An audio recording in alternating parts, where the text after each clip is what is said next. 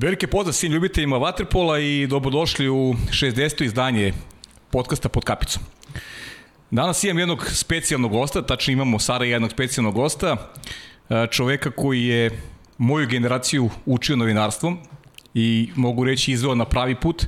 Možda ja nisam njegov autentični džak, ali e, znam drugare koji apsolutno jesu i koji su e, stasali kao novinari, stasali kao ljudi i veliko mi je zadovoljstvo što a, imamo u studiju kolegu koga iskreno vrednujem.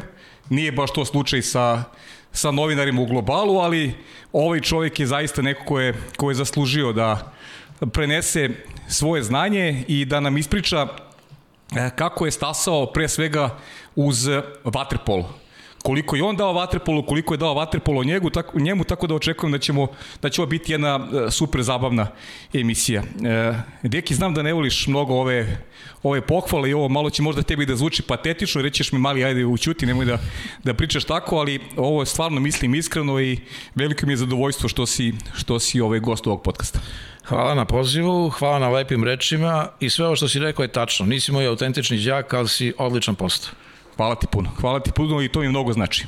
Mnogo mi znači e, i hvala ti što si mi pomagao tokom svih ovih godina, kad god mi nešto trebalo vezano za vaterpolo, ja, ja sam slabo poznavao ovaj, tematiku, ali uz tebe sam naučio i zbog toga sam ti jako zahvalan.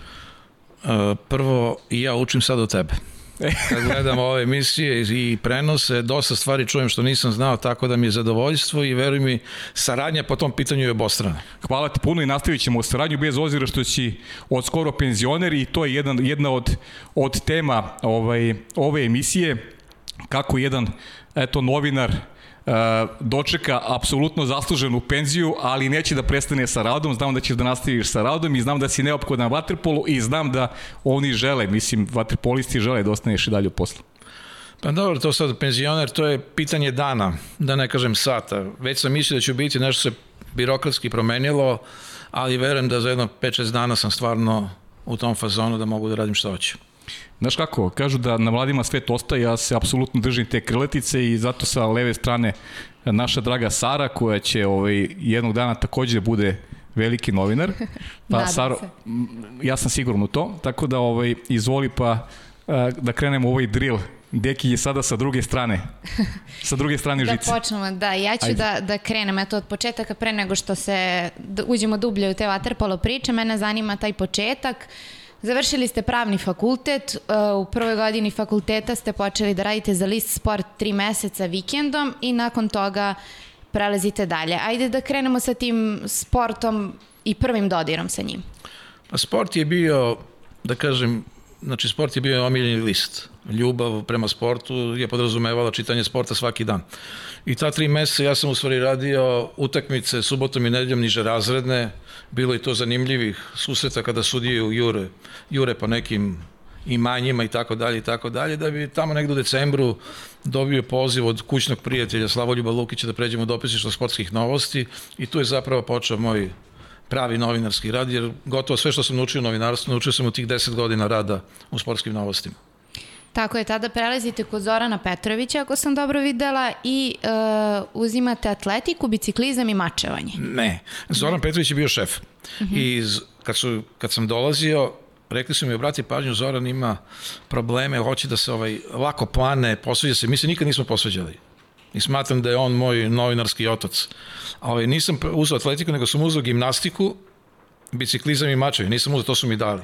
A ja gimnastiku nikad u životu nisam radio, na bicikl nikad nisam seo, mačevanje da ne pričam. Ali su sportski novosti imali takav princip da su te terale da radiš, da nalaziš vesti, dobro su plaćali i vrlo brzo sam posle dobio FK Beograd hokej na ledu. Na kraju kad sam otišao sportski novosti radio sam jedno 11-12 sportova i to mi je kasnije mnogo značilo i pomagalo u žurnalu. Da, vidiš, e, imamo neke dodine tačke, ja sam recimo veliki fan hokeja na ledu, ali da shvatimo na Zoki, Zoki koji je bio nekad reprezentativac Jugoslavije u odbojci, Zoki koji je, koji je legenda Uh, iskreno ti kažem, nisam ni znao da, si, da ste imali toliko, toliko blizak odnos. Znam da ste sarađivali, ali nisam znao da... Znaš šta, da... bilo, bi, bilo bi potrebno mnogo vremena da pričam šta je on sve za mene učinio. Uh mhm. -huh. Ali mislim da sam ga ja kupio na jednoj utakmici koja se igrala u subotu, a sportski novosti nisu izlazile nedeljom. Uh -huh. To je bila neka ženska odbojkaška utakmica, dosadno do zla Boga, ali ja sam sedeo i sve pisao, a on je došao sa neke košarke i kad je vidio da sam tu, znao je da je, može da ima poverenje u mene i taj naš odnos je bukvalno do njegovog kraja bio ovaj, sjajan, vrhunski i sada sa njegovom porodicom održavam odnose. On je bio sjajan odbojkaš, uh -huh. znao je da igra bos, kao bos je bio na naslovnoj strani ekipa i mislim da je odigrao negde oko 145 utakmica za redom u reprezentaciji u prvoj postavi. Sjajan igrač, koji je kasnije napustio odbojku zbog rada u novinarstvu i bio je vrhunski novinar. Znam kako su ga cenili u sportskim novostima. Mislim, jedini dopisnik koji je doživeo da ga sportske novosti pozovu na koktel u njegovu čast, da mu daju poklone i tako dalje. Baš im je teško pao njegov odlazak, jer novine su bile prepune ZP, ZP, ZP, on je radio neumorno. Mm. A čekaj, e, kako izgleda taj, taj rad? Ti si počeo ipak u toj nekoj kao dopisnoj službi. E, i si pratio, e, neću ti reći ko mi je rekao to da nisi on na biciklu, takođe nemaš ni vozačku dozvolu i to je interesantno isto da ti ja, i to ne zanima. Znam ko ti je rekao, to su ovaj, moji kućni prijatelji. Tvoji naslednici. Da, moji naslednici, da. Da, pozdrav Aleksandri i Darku, inače su oni značajno pomogli ovde da, da, i za, e, da kažem, kreaciju ove emisije. Da, to ćemo videti. Dobro. Znači, e, kako izgleda taj, taj dopisni rad? Taj, kako, ajde da malo po, veruj mi, pojasnimo ljudima koji nisu u novinarstvu. Biti dopisnik je za mene možda najlepša stvar u novinarstvu. Zašto? Zato što samo pišeš. Nemaš nikakvih drugih veza sa crtanjem strana, sa prelamanjem, sa dežurstvom, nego samo juriš informacije i pišeš. I naš rad je bio 9 do 1, do 9 do 2. Mi završimo sve, pošaljimo i idemo kući. Naravno, ja sam utorkom i petkom imao hokejaške utakmice, subota i nedelja smo se ubijali od posla, jer smo nas petorica sve pratili. Bilo je nekad po 30 događaja za vikend koje smo nas petorica pokrivali, tako da sam imao prilike da i sa Partizanom radim finale Kupa Koraća, igrali su mhm. protiv Meša, ja mislim i tako da. Sa Partizanom izgledao sam putovao sa futbalerima. Jednostavno nisu svi mogli koji su pokrivali svoje oblasti da pokriju sve i onda smo mi mlađi upadali na teren. Fantastično iskustvo, kažem ti, mnogo mi je pomoglo. I mm. mogu da kažem sada, evo, tu pred penziju, bukvalno za neki dan, što kažem, sve sam prošao novinarstvo, od opisničkog rada do glavnog urednika neko vreme i baš mogu da budem zadovoljan. Da, da. Ali imaš neka eto nešto što pamtiš posebno vezano eto za taj period, ajde da se da se da se zadržimo malo na to na toj na tom radu za sportske novosti. E, ja sam isto generacija koja je odrasla na sportu. To je bila obavezna literatura, zna se šta se radi, ustaneš ujutru kupiš sport. E, ima neki događaj koji posebno pamtiš ovako koji ti je... Da, da li se tada pojavljivo vaterpolo opcija u tim nekim i si išao tada na vaterpolo utakmicu u to vreme? Pa išao sam onda kad Zora nije mogao. Je Zoran uh mhm. -huh. radio i košarku i odbojku i onda kad se se poklapali događaj, onda je mene slao na vaterpolo. Uh mhm. -huh. I tu ja sam u principu ovo sve sportove sa loptom, to mi nikada nije bio problem da pratim.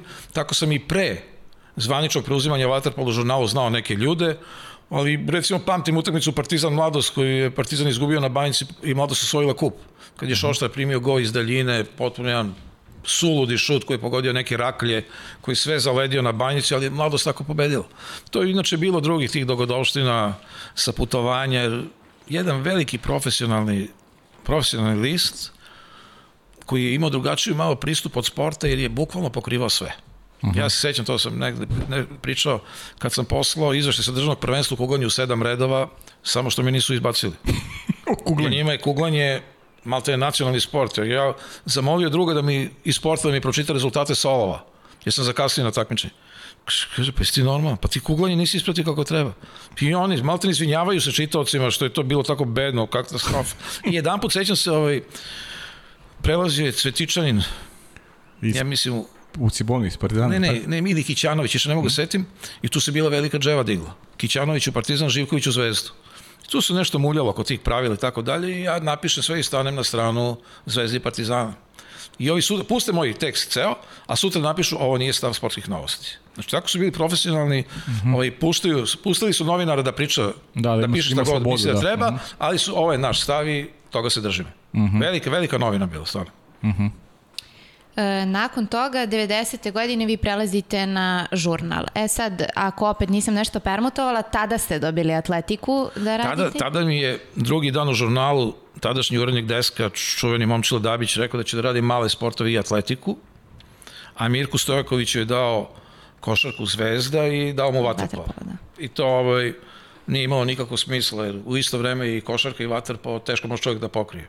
A Mirko je bio tada ovaj porodično vezan za atletiku, I mi smo se nešto domunđavali i on, ja kažemo, će da se mi menjamo. Da ja uzmem vaterpolo ti atletiku, hoću, mi dođemo kod Abe, da bi bilo sve jedno, samo nek se prati. I tako sam ušao u vaterpolo 3. septembra 90. Ajde. Možemo odmah da krenemo na, na Možemo na vaterpolo, da, pa mi će možemo, možemo da se vratimo i kasnije malo ako imaš Na nešto žurnal, vezano. da, na te da, za, za, za neki, A taj početak vaterpola, recimo, vaterpolo sam pratio za sportske novosti, sećam se nekog žrebanja za kup. I mene Zoran Petrović pošao i to sve dolaze veličine, Partizan, Mladost, Jadran, u Savez, koji je bio u Strahinjića bana, neke dve sobice smešne. I ja dolazim i čuveni Cile, Krstivoj Stevanović, vi ste, rekao sam, Dejan Stević, šta hoćete? Pa da vidim ko igra u kupu. A odakle ste vi? Rekao iz sportskih novosti. Pa šta, sportske novosti ne igraju. Šta ćete vi ovde? Ja se potpuno izgubim. To me postavilo posledno jednu priču kad sam radio Ovka Beograd s jednim iskusnim starim kolegom smo došli na intervju. On je radio za večernji list, ja za sportske novosti kod čuvenog Slobodana Ćosića i Gojka Zeca. I ovaj moj stari kolega se uprpio bio, a tek ja da ne govorim. I kako su mi ova dvojica pomogli? Tako što su to kolegu, kaže, evo sad vaš ćemo da ispratimo, pa ćemo da ostanemo sa mlađim i otvorimo vrato do Ormana. I on čovjek ne gledajući njih ulazi u Orman. Pa nemojte tu, ovde izlazna vrata i tako dalje. Ja umro od smeha i oni kaže, vidite, kaže, šta radi trema? Kako, kakva trema? Nemam tremu uopšte. I onda je bilo sve kao. Bio sam odličan i sa Zecom i sa Ćosićem, baš je bilo dobro. Kad smo se dotakli baš toga, je li bila treme u početku? Pa mislim, u sportskim novostima i u žurnalu. U sportskim novostima nije bilo zato što sam ja radio sportove koji su vapili za prostorom. Tako da su oni mene jurili. I ja njih i oni mene. Tako da tu su neka prijateljstva i dan danas jako duga, jako dobra, da kažem večno, sa braćom Čanković, na primjer iz Mačevena, sa Milanom Redin iz gimnastike.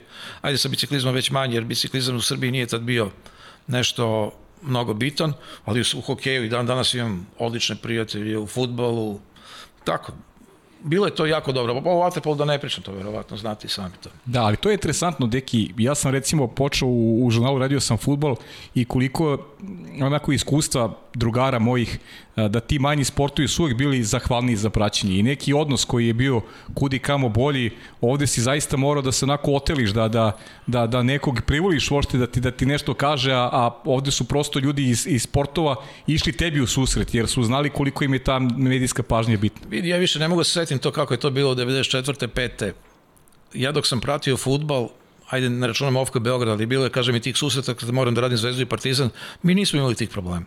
Ja se sećam, jednom sam čekao na parkingu Piksija Stojkovića pre trening, tad je mogao suđe na trening kad god doćeš, Dobar dan, dobar dan, Pixi, treba mi 10 minuta da napravimo nešto. Oni pogledaju na sat, ajde imamo vremena, odmah su uradili intervju. Sa Savićevićem, odmah. Danas je to malo teže i, da kažem, druga je ta klijentela.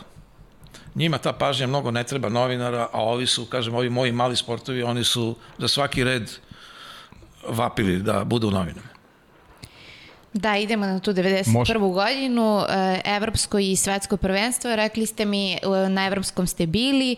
E, Tada imamo situaciju da su hrvatski klubovi od- odbili, tačnije igrači iz hrvatskih klubova su odbili da igraju, pa ajde da prokomentarišemo samo atmosferu tada u reprezentaciji. Je li to bilo prvo takmičenje na koje ste vi išli sa reprezentacijom? Pa ako ne računam neki TV turnir koji je bio u Kotoru 5-6 meseci ranije, to je bilo prvo veliko takmičenje na koje sam išao, ali ne bih ja rekao da su hrvatski igrači odbili. Mislim da je njima bilo naređeno, Da. a da su oni to u tom trenutku i morali, a i rado prihvatili, jer situacija je već bila takva da je, da je bilo nemoguća atmosfera da se to zajednički nastavi. To je bio baš lud period, avgust 91. sa svim što se događalo. Ali to smo mi saznali pri dolasku u reprezentaciju u Metropol, kada smo videli da Šimenca i drugova nema, i onda je Nikola zvao Ribića, Tadića, Zimonjića, više uh, Gočanina, da se vrate. Oni su bili po nekim banjama, morima, planinama. Ovo, kaže, gde dođem, ne, ne treniram uopšte. Nikola ih je zvao, oni su došli, pripremio ih i kad su odlazili, ja ga pitam, pa šta će bude? Bo, kaže, ovo je ista jačina kao i ovo ranije. Samo da se oslobode. I kad je došao tamo, u Atinu, to su mi pričali kasnije, mi smo došli dva dana kasnije, prišao mu i ruski selektor, sovjetski selektor, čuveni Popov, i rekao mu je, ovaj, ja, pa vi ste sada malo slabiji, a, a Nikola kaže, samo ti to misli, nismo mi tako slabi. I uzeo je to prvenstvo, prvo evropsko na jedan impresivan način i igrački i stručno vođen i atmosferom gde sam gledao Igora Milanovića možda u njegovim najboljim danima. E, si imao neki, neki ovaj, ta 90, 91. si imao neki, neki pritisak da, da malo uh, pišeš uh, više kroz neku političku Ne. uh, prizmu ili si imao popunu Ne. onako slobodu u... Ne, nama je glavni urednik tada bio Tijanić, koji je ovaj, bio jedan gromada. Ja samo kad sam odlazio, on je rekao normalno, šta god bude, pokrićemo. I kad smo mi osvojili to zlato, ovaj, final se igralo u 10 uveče. Ja sam ovaj, napisao tekst, dao izjave, a on je naredio ili zamolio mog kolegu Gagu Bogovića da napiše komentar da je Gaga opisao o toj snazi srpsko-crnogorske ekipe na jedan najlepši način i onda je Tijanić rekao da se ja potpišem tu. I, to, i, to, I to sam čuo da je to praksa kada neko ode na događaj, svi što se radi Da. iz, kod, kod Da, da. kuće, ide sa njegovim potpisom. Jer time nagrađuješ i njega što je tamo i pokazuješ ozbiljnost lista. To mi je pričao Vlada Stanković milion puta kad je javio vest da Boža Maljković preuzima Barcelonu u u pet redove samo to javio kako su zivu sutra dan je šest strana bilo reakcija na to, a svi su njegovi potpisi bili. A on recimo ništa tu nije radio. To je dokaz kako se nekad radilo. To je sada već nemoguće. Da, pa i ja pamtim taj, taj E. takav period. A kaži mi ovo, šta ti još asocira, eto, prvo takmičenje, zlatna medalja, znam koliko je bilo specifično, Velja Uskoković, Nikola Ribić, Tadić na golu, čak e, i Tadić je branio, to je Finale. finale, da. Pa vidi, ovaj, bilo je puno, prvo je bila jedna strašna novinarska ekipa. Uh -huh. Znači, to je meni isto bilo prvo veliko takmičenje Olimpije, znači legenda Olimpije, da, da. novinarstva, kojime sam ja bio konkurencije, koji me držao ko -huh. Znači, Krla iz Novosti, Cvetković iz politike, Dugo Đurković, uh, Duško Korać, Jordan Ivanović, Zlatoje Marić, Cimer, koji je proglašen za, najsimpatičnijeg novinara prvenstva sa svojih 140 kila, pa iskočio u bazen, bio je nekad golman Bečeja, pa mu ispao Rolex sat, pa smo pričali, otpisali o tome, je bila neka kopija, pa smo sutra dan oni ja išli na pijacu da kupimo kopiju, pa smo natrali najlepšu hostesu, da mu uruči pred svima, pa Olimpije nervne slomove dobio i tako dalje i tako dalje. Bilo je to fantastično, znači iskustvo to. Što se tiče finala, mi nismo imali pojma da je Šole nastradao. On je branio mm -hmm. do kraja i došao je Aca Krstonošić u pres centar, kaže, vi nemate pojma, Šole ne brani sutra. Kako ne brani? To, to mi, nema mobilnih. Nego juriš na neki trening da vidiš ovo, ono. I onda su mi pričali da je Viktor, da je Nikola navodno rekao Tadiću, ti samo pokrivaj rukama ono što možeš, ekipa će da uradi ostalo. To je jedna stvar. Onda ga je na zagrevanju kum, Viktor mu je rekao, sine, ili si pukovnik ili pokojnik. Ohrabrio ga, a Igor mi je pričao, kaže, ja vidim, Igor kapitan, kaže, vidim, to se malo prepao i ja ga udarim po leđima, ajde majstore, a on kaže, samo što nije upao u vodu. Koliko je bio, međutim, branio je strašno. Tako je jedan pametan čovjek, obrazovan, pametan uh -huh. i pripremio se za tu utakmicu i ništa drugo da nije uradio karijeri, a bio je prvak Evrope sa Posilipom i tako dalje, ovaj, ostavio bi trag.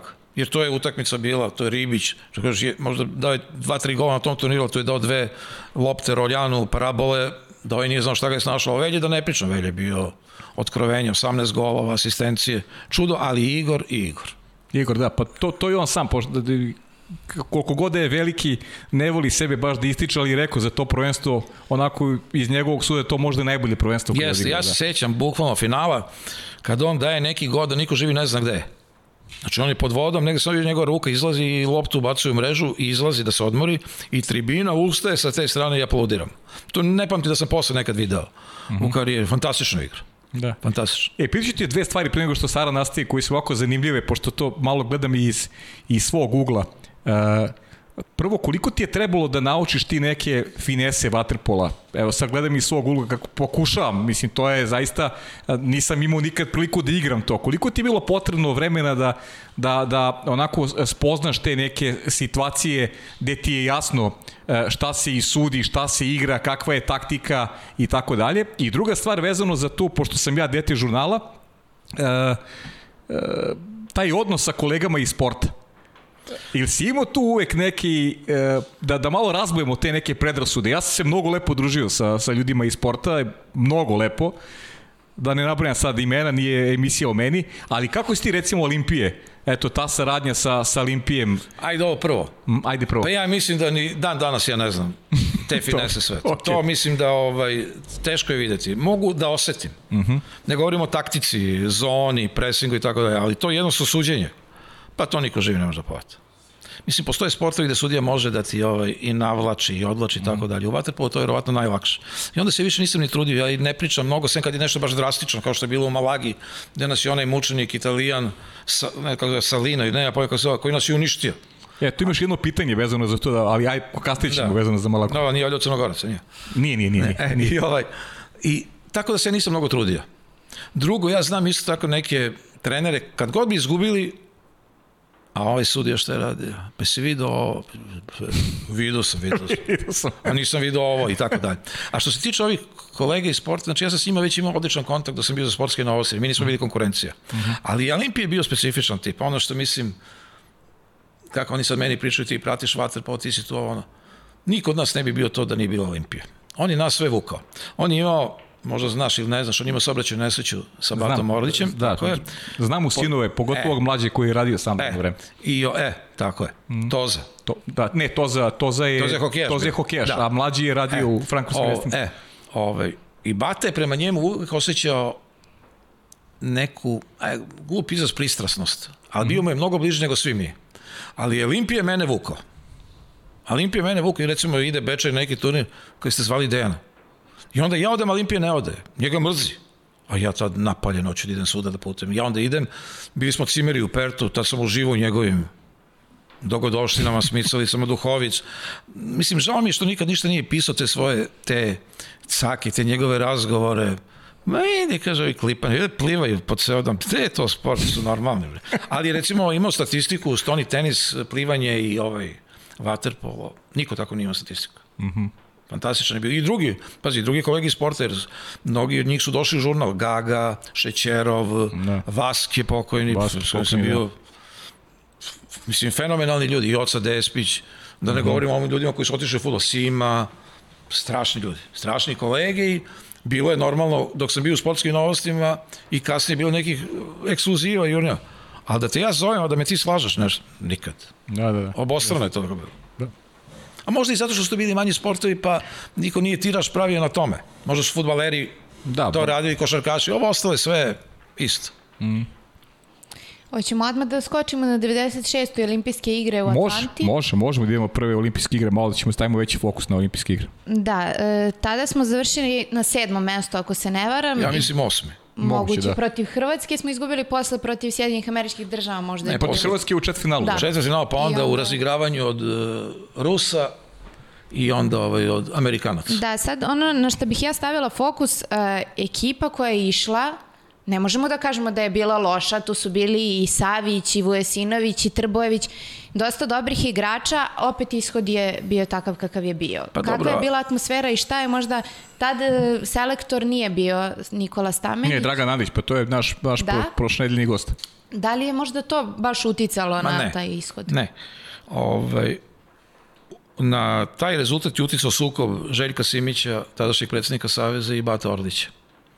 Željko Simić je taj tu bitku dobio, ali je Vatrpol izgubio. E, Njegovom odlukom je Vlah Orlić smenjen, što je automatski, zna, automatski značilo da će Nikola da napusti reprezentaciju koji je bio apsolutno za meni i dalje svetski trener broj 1. Oni su postavili negde u maju, junu Dragana Andrića, Igoru su dali da pokriju sve to da bude, vodi struku, on je aktivan igrač, on i dan danas kaže da mu je to najveća greška. Jer je ovaj praktično krenuo se protiv svojih vaterpolo roditelja u tom trenutku. I ta cela atmosfera je bila loša. I to je atmosfera takva da ti kad odeš na te olimpijske igre, znaš da vaterpolisti neće ništa da urade. Jer nije prirodno da urade. A tim je bio izmišljen. Znači, ne zna se ko od koga bio bolji, napaljeni i sve živo. A sa druge strane su u četvrtfinalu imali jednu Hrvatsku, isto tako savršenu, napaljenu, nacionalno posebno. Mi taj, ne znam da su mi kasnije stizali ikad do tog nacionalnog, kako bih to rekao, borbe za državu na taj način na koji su oni branili boje Hrvatske. Oni su stalno to isticali, i šahovnica, i kapice šahovničarske i tako dalje i tako dalje. Kod nas je to bilo ovako, prolazile. I kad je došla ta utakmica, sećam, idemo zajedno na hrvatski novinari, mi srpski, crnogorski, ti vidiš kod nas je jedan muk, osjećaš da ideš na streljanu. A ovi zadovoljni, napaljeni, još Duda, vrištao zašto su njihovi navijači smešteni u vrh tribina, a, a srpski, srpski da, Mhm. dole i onda je dao gol Šoštaru sa jedno 7-8 metara pod sepovnu mrežu. Oni su igrali tad za Vukovar, tak, to su im bili motivi veliki koji mi nismo imali tada i konačno tada su, tako smo platili sve ono što se dešavalo mesecima pre. A kaži mi, deki, aj nevezano sad za Vatepo, to su tvoje prve olimpijske igre kao novinara, ipak najveći događaj, znam, to sam iskusio zajedno s tobom, do duše u, u Atini. Kakav je, kakav je osjećaj bio, ne znam, upoznaš neke sporti, sportiste koje si imao prilike gledaš samo preko TV-a, e, izveštavao si, veru, ne samo sa Vaterpola, već i sa, i, i sa drugih događaja, da. Svi smo imali po nekoliko sportova koje smo pratili. ovaj, ti u principu ne možeš mnogo da vidiš. Kada počnu same olimpijske igre, pogotovo kad je vremenska razlika drugačija, ti si non stop u pogonu. Meni je, meni Atlanta ostalo u sećanju kao možda najlošije organizovana takmičenje od svih pet olimpijskih igara, ajde i Rio je tu negde, ali Rio nije mogao, svi se od Amerikanaca očekivao da će biti baš to, tip top. Uh, sećam se, maksimalno je bilo obezbeđenje. Kada smo išli na otvaranje igara, čitav jedan deo Atlante je povučen u brda gde su bili crnci, da ne bi dolazilo do demonstracija. To je deo gde je bio rat, sever, jug, počeo tako dalje. U blizini je ono brdo Tara, gde se snimalo Prokujelo sa Vihorom, Atlante, centar CNN-a, Kikirikija, Coca-Cola, ali jedan grad od 2, 2,5 miliona stanovnika. Onda su oni zvali, sad skačem na drugu temu, zvali su vozače iz cele Amerike da im se nađu tu i oni su došli u ovo mesto koje su tretirali kao selo, a niko nisu uspeli da se snađe. Pa je nama vožnja, znamo, nekad traje i sat vremena, mesto 15 minuta, jer on ne može da isprati mapu jer ne zna grad. Organizaciona je bilo tako pedantna, ali poslednjeg dana smo Vasić i ja došli na ivicu bazena. Pored svih njihovih obezbeđenja, mrtvi, ladni, prošli, ne sa nekom namerom, ne jednostavno kretli pričamo, oni nas puštaju. Posle kad su vidio da smo došli, poludeli bili. Jednostavno ne, ne, ne dozvoljavaju takve ovaj, egzibicije. Uh -huh. I pravo da mislim, sećam se, mi smo svi došli sa pisaćim mašinom. Uh -huh. Znači, vučeš onu mašinu iz Beograda, dođemo u pres centar, nas petorica, kad smo udarili pod mašinama, tajac. Svi su stali. Šta ovo lupa? Kaže, ne, kaže, bomba, šta je ovo? A mi, da, da, da, da, da, da. Onda je došao jedan slovenac, mi kaže, znao sam da je neko od mojih stigo. Tako ste se ne, I onda prepoznavali. ovaj, uveče Vaski kaže nama, i kaže, ajde sad da nosimo mašine. Debre da nosimo, ko će ovo da ukrade, svi sa već laptopovima, razno raznim, ajde nije bilo mobilnih, tek su počeli, ali ti laptopovi uopšte, internet, tako, ko će ono, nisam to ni kući da nosim na kraju. Kaže, ko će ovo da uzme? Pa onda, ovaj, oni ne udaraju pečat na račun. Nema Amerikanci pečat. Ko će nama da prizna račun bez pečata, šalješ faks i tako. Pa su onda uzimali neku maskotu, umakali, umastili, udarali po papiru. Evo ti pečat. I onda mi te, imaš ono bip bip ti? Ne, ne, slobodno, cepaj. Ne, pa dobro. Ovaj, ti pečat, evo, evo ti, evo ga. To je bilo, ovaj, i seća se ovaj, to je isto bilo nevezano za takmičenje Gaga, ja smo bili sami praktično od svih drugih novinara, smo se kasnije prijavili na nekom drugom univerzitetu, nikad nismo bili ni jednog čoveka tu. Mislili smo da smo sami. Znači, to je klasična univerzitetska soba, dva kreveta, dva ormana, dva, dva stola i ništa drugo, zajednički WC za ceo sprat. Nikad nikog nismo videli. I poslednje veče, mi večeri, Gaga kupi jedno šest piva i stavimo u frižider u tom lobiju i odemo da proštamo. Kad smo se vratili, ni jedno pivo nije bilo. A ko je uzao, nemamo pojma, jer, kažem ti, nikada nikog nismo videli. Tako da tu Atlantu sam, sećam se da smo se na kraju svi vratili sa četiri kofera i onda su nas smestili zbog toga tamo blizu konja u -huh. avionu. Znači, znači -huh. jedan deo je potpuno pregrežen za konje. I sve je to lepo bilo dok on ne otvori onaj deo. Onda onaj miris te zapahne i uživaš. Ali eto, eto to, s tih nekih detalja, a samo takmičenje je bilo odbojkaši, košarkaši bio na finalu, Clay da, da. došao da se slika s košarkašima, to je bilo fenomenalno. I si se slikao, nisi? Si volio to da radiš, si praktikovao to? Ne, da se slikam s nekim. Da, ne. A ne, pa nismo mi ni imali te aparate, nego će Clay je došao na utakmicu finala uh -huh. i onda je na polovremenu su izašli i Amerikanci i mi, i svi su se zajedno slikali s njim, on je sedao već u kolicima, već dobro bolesan od Parkinsona, uh -huh. a to je stvarno doživlje. On je stvarno veličina i kad je ovaj, kako se kaže, ovaj, vatru palio, to je muk bio na Atlanti. E onda gledaš Carl Lewisa, gledaš Michael Johnsona, da. to je stvarno bilo, to je top, bio četvrti, pa mi je Piri Jeremić iz sporta prodao da je namerno bila tanko postavljena letvica da može na vazduh da padne, da on ne bi uzao medalju. Pa se ja napalio, rekao, kako je to moguće, pa išao da gledam. Kakvi nema veze. Ako platiš, Sjajna priča. Da platiš, ovaj, platiš znanje. Bila je isto jedna odlična situacija. Aha. Bio je kolega iz sporta, sad da ne pominjem mena, da se on ne bi ljutio, ovaj, koji je igrao slučaj mora da plati atletiku. I došli smo ujutro na kvalifikacije do 100 metara. Tih trka kvalifikacije imaš jedno 15. I svaki pola minuta onaj pucanje. A ovoga ne interesuje atletiku, uopšte on nešto tamo rešava. Samo se trgne ovako. Na pucanje. Ne. Dokle bre ovo? I tako, bilo, eto, to prvo pamtim baš kao jedan veliki doživljaj koji ti na neki način pripremio za ona buduća događanja koja su bila je. kudi kamo i ozbiljnija i bolje organizovana i lepša za rad. Aj pre nego što krenemo ta uzbudljivija i lepša za rad takmičenja, imamo neka interesantna video pitanja, nije bitno kojim redom idemo, jer ne možemo da pratimo uh, vreme o kojem je pričamo, ali pa Vanja, ajde, pusti nam prvo pitanje. Ćao, deki. Evo ovako jedno a, lepo pitanje, jedno malo stručno pitanje. Prvo je da li je istina da Čika Paja radi vežbe ujutru ili je to samo mit. Puno pozdrava za našeg Paju. I drugo pitanje je po tvom mišljenju e, Waterpolo u posljednjih da kažemo 15 godina koliko se promenio od onih da kažemo davnih vremena i da li više voliš da pratiš ovaj Waterpolo danas ili si više uživao u Waterpolu 80. 70. godina kada je bio mnogo možda i popularniji na našim prostorima i kada jednostavno to predstavljao kult. Eto, pozdrav veliki za emisiju podcasta pod kapicom, za Paju i za sve divne ljude koje, koje čine ovaj projekat. Pozdrav! Hvala Fići. Da, hvala Fići. Pa sad on je malo preterao, nisam imao 70-ih baš toliko gledao Waterpolo da, da bi znao kako otišao malo, da. Da, ali ovaj, ajde posjeću Paj. Ovaj, uh, Waterpolo se razvio kao i svi drugi sportovi. Vještina je malo padala u drugi plan i danas imaš malo tih igrača koji baš plene veštinom i sami ne mogu ako nemaju vrhunsku fizičku pripremu. Meni lično ovaj waterpolo sada savršeno odgovara. Jedino što bi volao jeste da se bazen smanji na 25 metara, što je bilo ovaj, tamo 2015 bila uspešna proba po meni, ali su ga oni vratili, jer ima taj jedan deo igre, koji, jedan deo terena koji se ne koristi na pravi način, koji služi za proplivavanje i tako dalje, a ovih u 25 metara je mnogo dinamičniji. Nema mnogo kontri, ali se igra non stop preko celog terena i meni je zanimljiviji.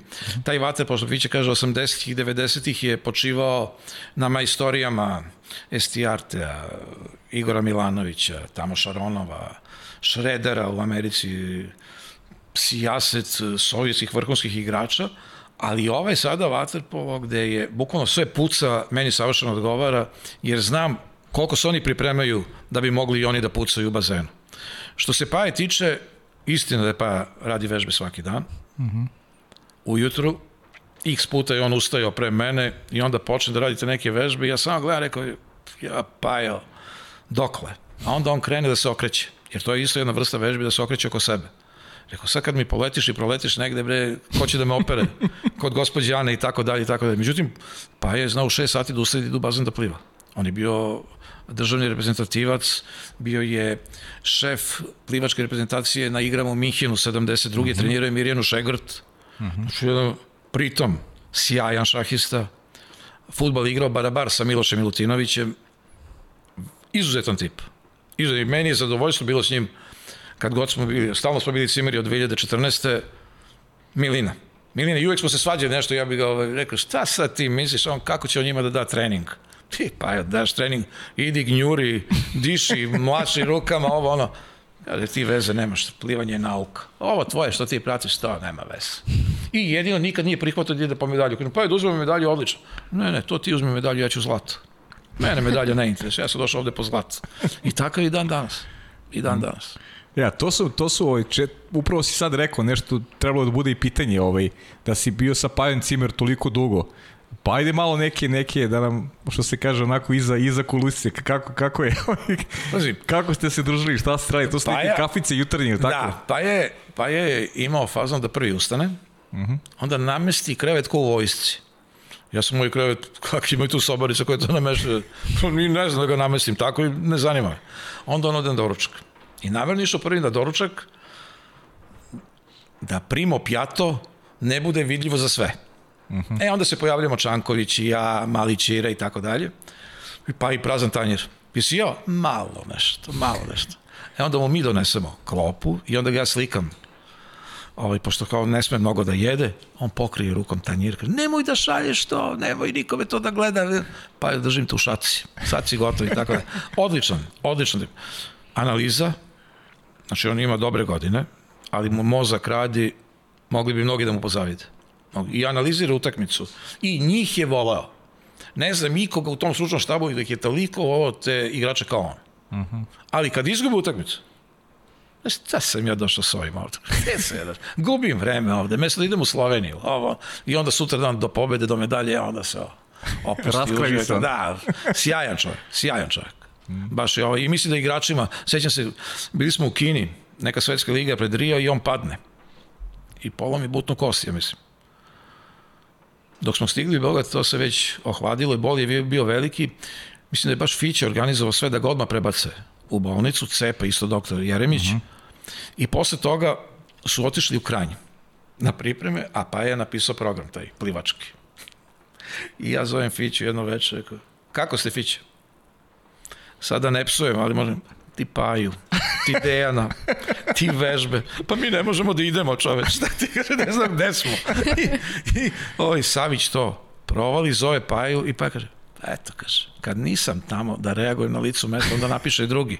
Znaš, kaže, ne može, kaže, ti moraš njih da vidiš. On je stalno davao neke nove, nove treninge da bi im zadržao uh, koncentraciju. Kaže, ako plivaju stalno isto. Kaže, on je davao neke treninge nekim Mađarima, našim igračima u Mađarskoj. Uh mhm. -huh. Kaže, taj trener je šest meseci isto u stvari. Iako ne može, nema svrhe, sezona je drugačija. I onda im je to dao i onda je Dejan organizovao i svi su došli kod njega kuće. Uh -huh. Iznenadili ga i to je stvarno bio. Obožavaju ga Pajev. Mm. Obožavaju. I mislim, radili su neke druge stvari prema njemu koji su pokazivali koliko ga cene. Sve. E, ajde pre nego što pređemo na, na tu 2004. To ću uh mhm. -huh. tebi da prepustim. Možda bih vas pitala za taj odnos između igrača i trenera, koliko se razlikuje u odnosu na tada vreme i sada. Sada smo negde svedoci toga da zabranjeno je trenerima, ne mogu ni vaspitno, ne mogu ni da povise ton, tada to nije bio slučaj. Da li je to možda sada bolje ili nije? Kako vi možda gledate na to? Uh, mnogo me pitaš.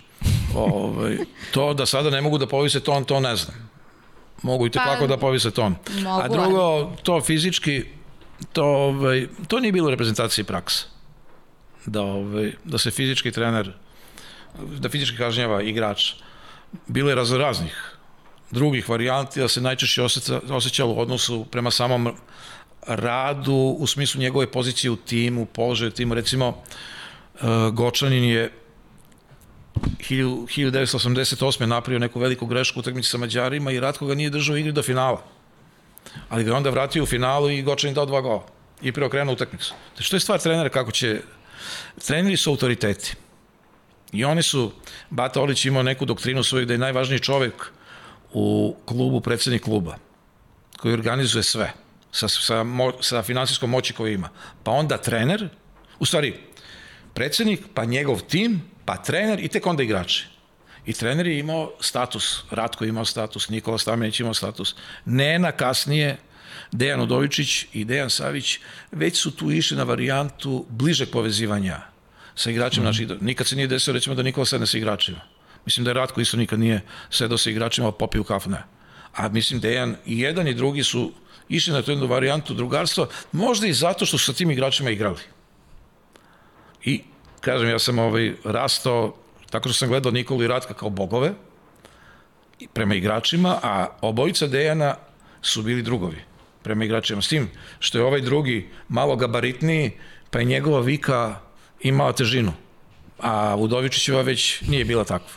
Mm. Ali u svakom slučaju, sve petorica, šestorica i Pero Porodić, vrhunski stručnjaci i vrhunski ljudi.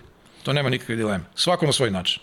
E da, to sam malo hteo pre nego što pređemo na, na, na tu otinu, da se dotaknem upravo tog tvog odnosa sa, sa ljudima sa ljudima iz struke. Bilo ih je tu i Nena Manojlović, i Pera Porobić, Mirko Blažević, sve ljudi sa kojima si onako imao neku, neku blisku saradnju i mogo si da vidiš te, te relacije kako izgledaju, pa da se vratimo i ranije malo i na, i na, na Vlahu Orlića, Nikolu Staminića.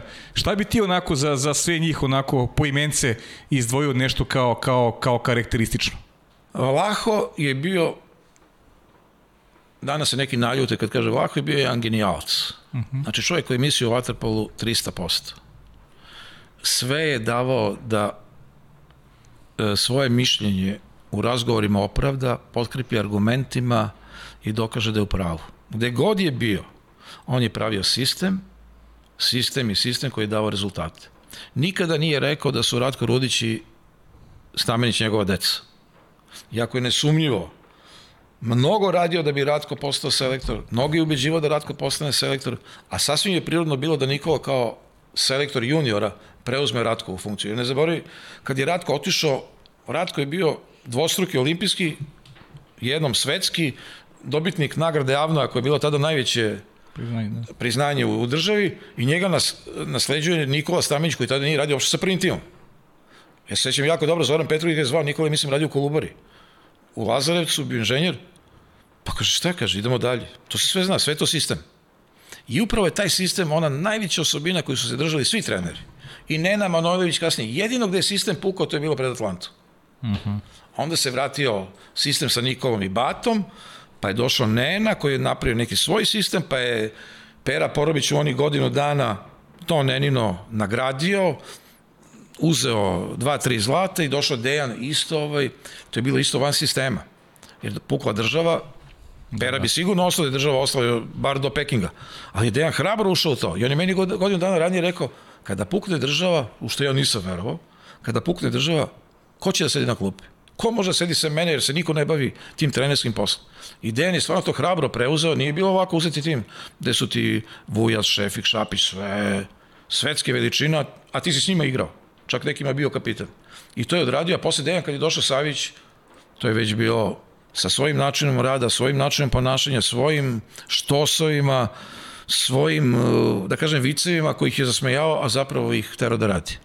Ti njegovi time-outi čuveni, pa ova video varijanta gde snima, da, mislim, to, to stvarno fenomenalno. Čak mislim da to u javnosti nije toliko isprećeno kao jedan genijalan potez koliko bi trebalo da bude. Uh mhm. -huh. I meni recimo žao što to nisam znao. Da, to, to, a, to je, a koliko smo bliski, eto... To niko nije znao. Da, kad god smo bliski, on ne zavrne nešto. Da, Voli da pravi krivinu. Voli. Ali... A čekaj, je tačno ti rekao Vlaho Orić 2009. godine da Da li je to tačna informacija? To je Aleksandrino pitanje da ti je rekao da ti momci mogu da, da, su, da su za velika dela. Ta generacija koja je posle osvojila u... u ne, nije mi, nije mi to Vlaho rekao. Nije Vlaho. Ne, nije mi Vlaho to rekao, nego sam ja s njim pravio razgovor u Podgorici. U, e, u Podgorici, da. da. On je tada došao prvi put posle bolesti se pojavio i čita vaterpolo svet se sjatio oko njega. Mhm. -huh. On je već bio dobro mršav, mhm. -huh. video se da bolest čini svoje. Došao je Ratko Rudić, prekinuo trening, došao gore do njega, crnogorci svi, Dragan Đurčić, Dragan Vješović, da ne nabrajam dalje, ovi predstavnici drugih zemalja koji su čuli za njega, stvarno je bio, ja imam te slike, mhm. -huh. ovaj, gde mu prilaze i da, razgovaraju. Da, on je preminuo 2010. godine. On je preminuo da. 10 meseci kasnije. Uh -huh. Ali ja sam došao u hotel njegov i pravili smo e, razgovor i on je kaže, e, čekaj sad, moram samo da okrenem jedan broj. I ja vidim da priče mogu po načinu razgovora da, da priča sa Nikolom.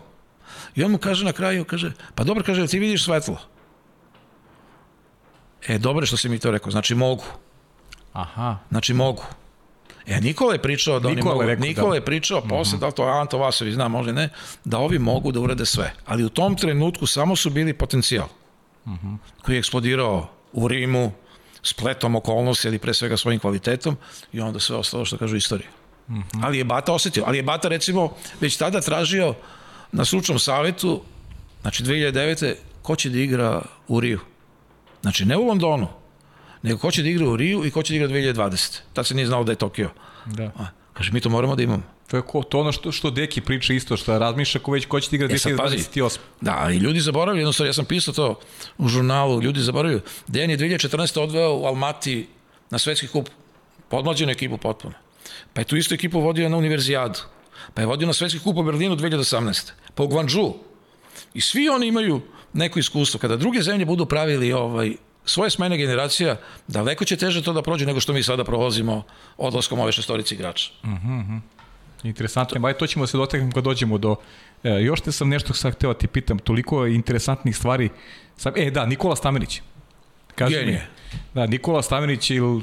Pričali smo, hoćemo... Ni... Pa mislim da ti kažem, Nikola Stamenić, isto sam to rekao, ovaj, mene duša boli, 12 godina nismo progovorili. E, to sam te... Ali nismo se posveđali, ne. Uh mhm. -huh. On se jednostavno povukao iz javnog života i nema ga. Sad ja volao bi da ga negde sretnem da se ovako ispričamo, ne za da. novine. To je, svi igrači iz te generacije pričaju o Ratku, sve najbolje i tako da, ali i svi kažu, ali niko kao Nikola. Njegov način razmišljanja, uvođenje fizike, formiranje poluge pri šutu, kad treba da izbaciš loptu, kad ne treba da izbaciš, šta levak može da mu donese, šta golman treba da radi. Znači to ja kao laik sam lako shvatao.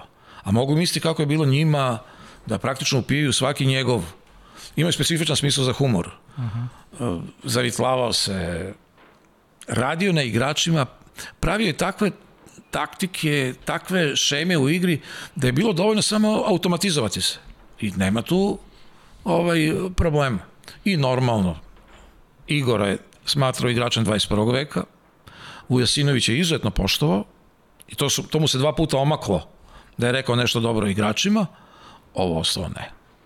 Ja znam, mislim, ne znam da je to tačno, znam da je recimo traži uvek da kada kažu u vodu, da mora samo se čuje tap. Da su svi skočili u istom trenutku, svi u istom trenutku dodirnuli površinu vode. Znak discipline.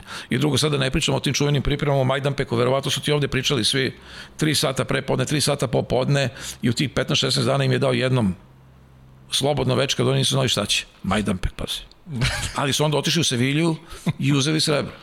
To je da, 97. Fanta, da, fantastičan. Mislim, žao mi što on nikad ništa nije pisao, žao mi što se on nikad nije otvarao u smislu nekog fejtona, neke svoje... Svi, svima je žao. Da. Možda, možda se promeni, to ne znam. Da. Dobro, hoćemo da pređemo sada na tu... Na 2004. Na, 2000, na to da. srebro.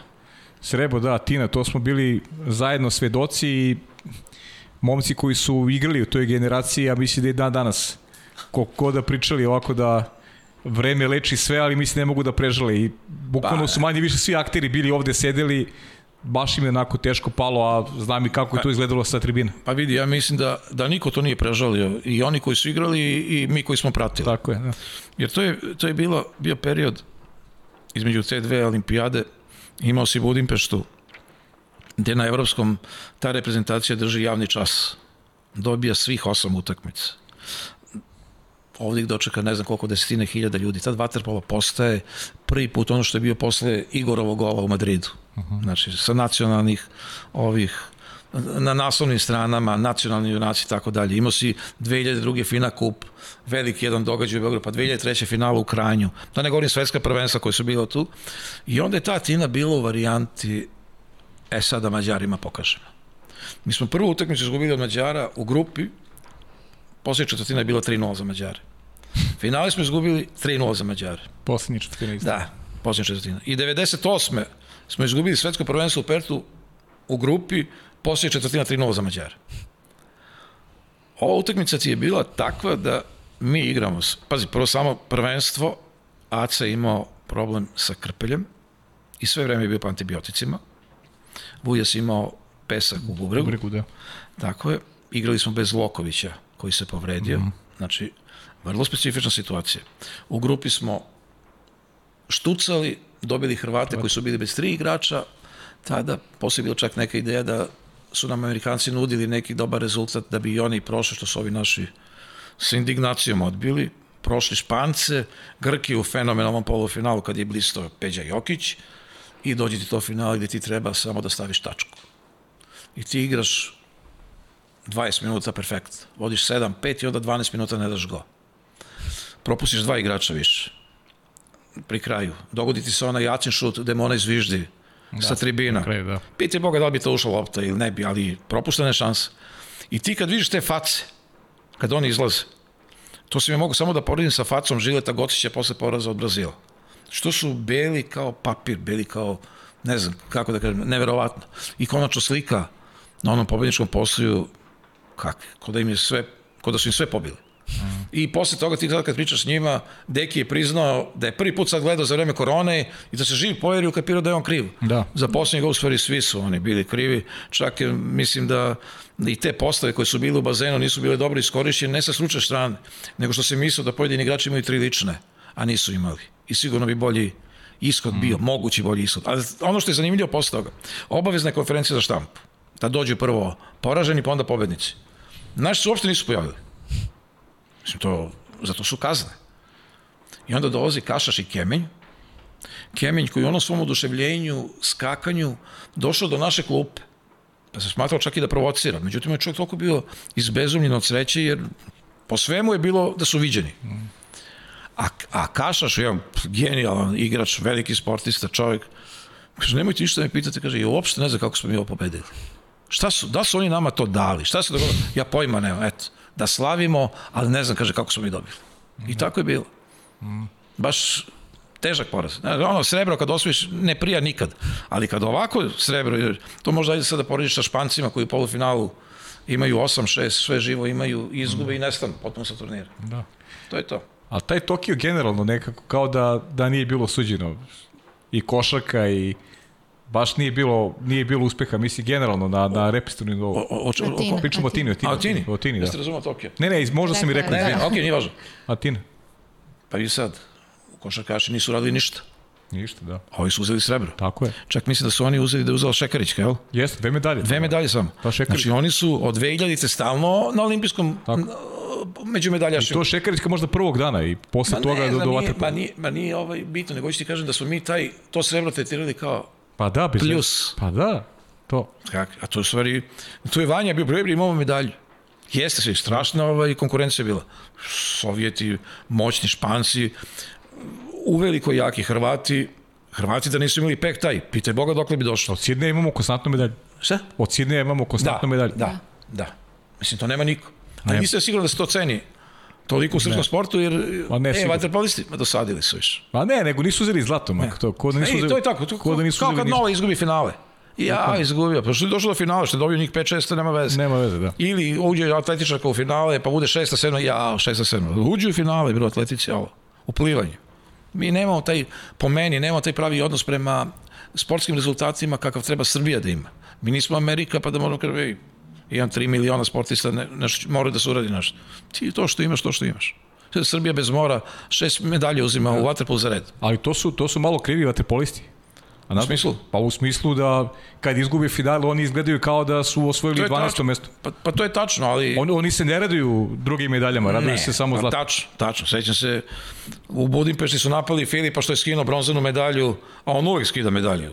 Kad okače, kao on ne priznaje bronzanu medalju. Ne. Ne, ne, niko, pazi, to, to, je, to je dobar stav, ali to treba da se vrednuje taj stav na pravi način, a ne da ti kreiraš Dobro, situaciju kako to ne mislim da, da, da su oni sada, posle Tokija, konačno, već takav status imaju. Da mogu jedno tri puta da ne uzmu ništa i da bude, to su vaterpolisti. Da su zaslužili ulicu, spomenik, taj konačno, taj trenažni centar ili kako se već zove taj objekat koji će samo njihov da bude. Da. Mislim, ne znam šta još treba da urade da bi imali tretman, imaju, pazi, da se ne lažemo, možemo da mislimo šta god hoćemo, ali država je u sportu uložila dosta i, i vaterpolisti ne mogu da se, klubovi, igrači ne mogu da se požale, sve je ispunjeno. Ali sad, to je temelj, ta zlatna medalja iz Tokija je temelj. Ti moraš sada da im omogućiš da ovi klinci koji su uzeli u Pragu, koji su uzeli Maltu, nastave tim stopama jer ima talenata vrhunskih. Mi imamo druge probleme u Waterpolu o kojima ne moramo sad da pričamo. Ali što se tiče talenata, tu ovaj, nos kudevamo. Da. E, Deki, još, još jedna stvar ovaj, koja, je, koja je jako važna. Pričali smo e, o tom, tom, tom kontinuitetu, kontinuitetu medalja, ali ajde pre nego što shvatimo, e, Vanja, možeš jedno pitanje video da, da malo opustimo atmosferu? Veliki pozdrav za sve vas u studiju. Prvo da izrazim zadovoljstvo jer imam priliku da budem dio ove emisije danas i da postavim pitanje Dejanu koji za koga znam koliko puno je uradio na promociji našeg sporta. Znam također da vrlo brzo treba da ide u penziju, ali vjerujem da je to uslovno rečeno samo penzija, jer će on nastaviti da bude uz vaterpolo i vaterpolo uz, uz njega i da će još on puno toga da piše o Waterpolu. Takođe, želim da čestitam mu na, za knjigu koja je izašla povodom 100 godina srpskog Waterpola, jednoj fantastičnoj monografiji koju je uradio u saradnji sa Đorđom Perišićem. I evo, moje pitanje bi bilo, Deki, koji je za tebe najbolji igrač kojeg si gledao, a da je van prostora bivše Jugoslavije, znači van prostora SFRJ? Veliki pozdrav još jednom. Pazi, ovo je moj ljubimac i on to zna, pa onda me čačka. Ove, Dobro, ja, sreću, da, sreću da i mi nismo znali. Ovaj. Ne, ne, ja, ja, ja Vlado obožavam. Mislim, stvarno. Vlado I, i, čak i, ovaj, I čak i ovi stariji igrači, kad je ta mlađa selekcija upadala u Kranju tamo 2003. su njega prihvatili, znači, vaspitan, Jeste. Jest. Što se njega tiče, meni je žao neka, zbog neke druge stvari, ali da sad ne pričamo o tome. Ovaj, šta me pitao, za koji, za koji igrač? Pa nema tu šta. Pa van, van prostora, bivši Jugoslavije. Ne, nema tu, ovaj, to su Benedek i Kašaš. Uh mhm. -huh. Taj Tibor Benedek, koji je bio, ja sam Vlado Vujesinović jednom nazvao Jordan u bazenu, to bi isto mogu da kažem za Benedek. Znači, i obojica, pritom, takvi ljudi, takve, ovaj, ličnosti, prijatni, ljubazni, uvek spremni na razgovor, perfektni. Bilo je naravno još tu, sad da pričaš o velikim igračima u Španiji, Roljan je bio neverovatan golman, čudesan golman, koji nažalost završio tako kako je završio. E, Sovjeti su imali, ja sam recimo strašno volao Garbuzova, Jerišova, ali ne mogu se porediti sa ovim Mađarima. Baš su bili moćni. Kako tumačiš to, kako se E, ova generacija recimo kako je napravila te rezultate sa Mađarima još iz tog nekog juniorskog e, perioda da ja ne znam da li su izgubili jednu utakmicu od Mađarske osim u grupi recimo u, u Budimpešti da nemaju ni jedan poraz ni kao juniori ni kao seniori da je da je protiv najvećih rivala da je to zaista neverovatno. Još još dok su bili pod komandom Dejanu Dovičića u tim u tim juniorskim Tako je praktično uh, to je počelo sa onom pobedom u finalu u Montrealu A tu imaš jednu zanimljivu situaciju, sad ne oduzimam ti vreme. Kad smo, došli, kad smo došli u Montreal, ispostavili se da prvi trening imamo mi Mađari zajedno. Sad Mađari su bili skroz dole, mi vama.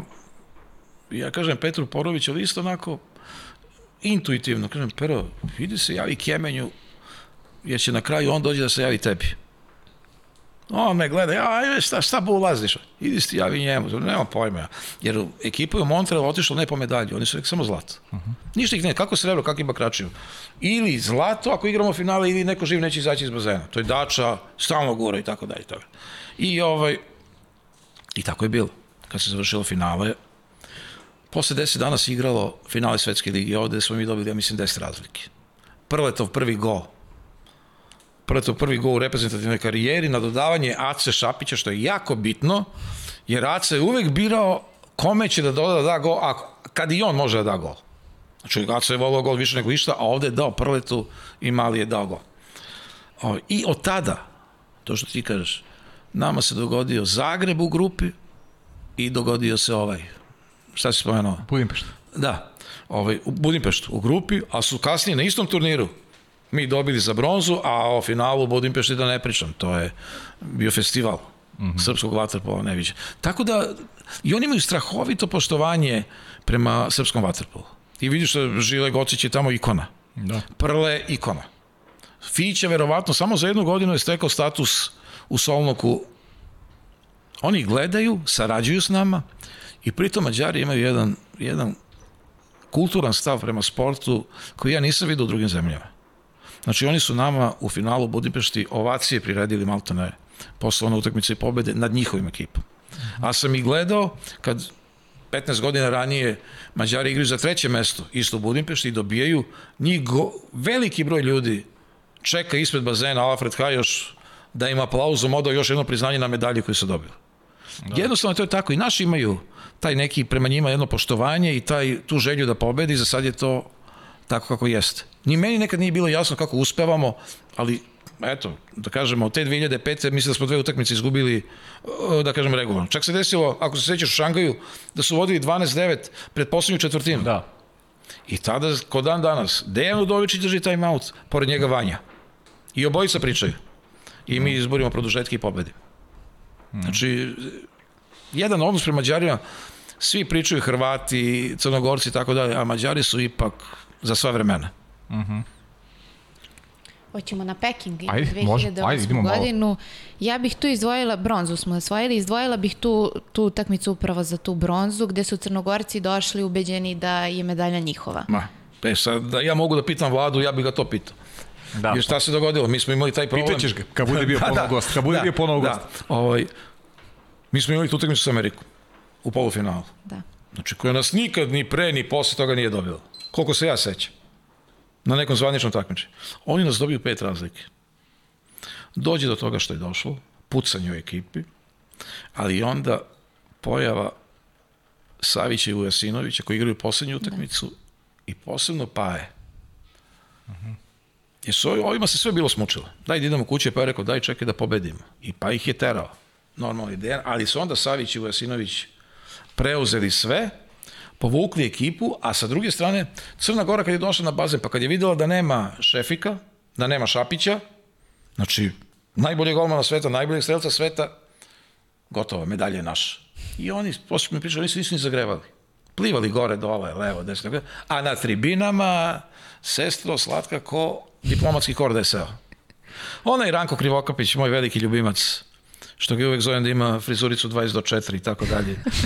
Inače, veliki, ovaj, veliki svojevremeno srbofil, učio, ja mislim, u Srbiji i tako dalje, i tako dalje. On je došao, to su neki hostese, to je ovo, to je sve. Ja ne mogu da izdržim, evo, pa, provocirate, razumiješ. Prvo, vrlo je verovatno da ćeš da izgubiš utakmicu, još on došao da se A pri svemu tome Pera Porobić, Vlada Gojković, Jokić Loković, sve moji veliki prijatelji. Ako nekome želim uspeh posle Srbije, to su oni. Ja dođem kad ovaj neki dan, kako zove ta ministar, jedan majke, na koju svadbu vi idete? Tek je 11 sati, sigurno se reći, da idete sad u 11 sati. A ne, mi, mi, mi smo se spremili, mi smo zakupili, to me zakupili ste vi. I ovaj, i ovi naši šest jedan povedu. Bog te vidio, ta svadba se pretvorila u parastusije. Ništa, to je katastrofa bilo. Katastrofa, kako su oni odili. Da. I sećam se, Dejan mi dolazi, znači njegova 444. utakmica, a ja sam upisao od prve. Ja mislim da sam jedno 400 njega ikada. Gledaj, kaže, e, kaže, ti si me dočekao i ti si me ispratio. I samo što ne zaplača. Ne zbog mene, naravno. Nego što mu kroz glavu prođe tih 444 puta 32 minuta. Šta je sve odigrao, šta je sve prošao, kakva je to karijera. I on ako ne napiše knjigu, on, Vujas ako ne napiše knjigu, tim svojim danima ostaće nedorečeni. Mislim da Deki će to da uradi, vero. Pa ja se nadam. S tim što on to mora da uradi ovaj, na njegov način. Znaš šta sam malo prim prošao kroz- glavu dok si pričao uh, koliko su ovi momci posebni. Dragan mi je rekao jedan podatak koji, nisam o tome razmišljao uopšte, da su on Igor Milanović do Tokija bili jedini srpski sportisti sa dva olimpijska zlata. Tako je, Dragan Andrić je on. Da. I pri tome, i pri tome ovaj, Draganu Andriću je FINA to izvanično priznala izdavanjem godišnjaka pred velika takmičenja, a Igoru su preskočili. Uh -huh. E sad, moj veliki prijatelj, ovaj Russell McKinnon, PR ili pod parol FINE, zadužen za vaterpolo, on sam je urgirao dva puta. Da bi on tek treći put rekao, daj napiši mi to, molim te, šta je, kako i sad je Igor tu. E, sad se taj broj povećao, ne mislim, na 12 ili na 10, ne znam tačno. Uh -huh. Ovo, ali dva olimpijska zlata, ej. Pa mislim, ko to može još? Nevjerovatno. Milica Mandić, je tako. Da. Ne, ma ne znam, Jasa Šekarić, verovatno to ima. A Milica Mandić, da, Milica Mandić, evo isto, ona je sad isto postala fantazija. Ali i ovaj... Samo vaterpolisti Milica Mandić imaju dva olimpijska zlata. Da, pogotovo kao Srbija. Pa da. Pa i, i kad gledamo i staru državu Jeste, isto. u Waterpolu to su Igor i, i Igor, Dragan. i, Igor i Dragan. Hrvati imaju, kroz Pericu, Šimenca Da, da. i tako dalje, ali ovaj, mi samo to. Jer kod nas je bio ovde golman krivi, a onda je bio šoštar. Bio šoštar, da. Tako. Pa da, to su bile one... one Dobro, to su u 28 godina bežiš napad. Tako je, bežiš napolje, da. Hoćemo, ćemo da idemo dalje ili... Pa hoćemo odmah na London i... Možemo, ajde, prvo olimpijske igre, da prođemo olimpijske igre, pa ćemo onda Deke da, da zamolimo da izvoji. Čovjek bio na 12 svjetskih prvenstva, ako, ako pričamo o svakom, ostaćemo do večeras ovdje. Nećemo Ništa, onda prelazimo na London. Bronza, grupna faza je bila dosta dobra. Da li smo mogli da uzmemo možda srebro ili zlato? Tad su Hrvati uzeli zlato, srebro... Pazi, Italija. Hrvati su uzeli zlato, ali su u prvoj utakmici sa, mislim, sa Špancima, sudija Margeti, znači vrhunski sudija, nije vidio gol Španaca, kojim su utakmica završava nerešeno. Kasnije se ustanovilo da je gol bio, Margeta dobije povratnu kartu kući, više nije sudio, ali špo, sve se promenilo. Mada su Hrvati taj turnir igrali perfektno. Znači, to je bila Ratkova, ona nabijeni snagom, borbeni, mogu da igraju tri utakmice za redom i znalci. Mi smo tada imali odličnu grupu, dobro je svišlo, prvo je davao po pet golova, seća se, posle bio sportista godine, ovaj, zbog, tog, zbog te činjenice da je bio najbolji strelac, ali je odjedan put u, u tom četvrtfinalu došao do pada sa Australijom. Šta je bilo, kako je bilo, tu smo gubili 8-5, kad je Gojko ušao da brani mesto Sora, mi 6-0 napravimo, dođemo u polufinale. I tu se sastavno s italijanima koji su nas već zadužili godinu dana ranije u Šangaju u finalu svetskog prvenstva, ja sam mislio da će to biti formalnost. Ma kakvi ovi nas odrali. Znači, ništa nismo mogli da uradimo.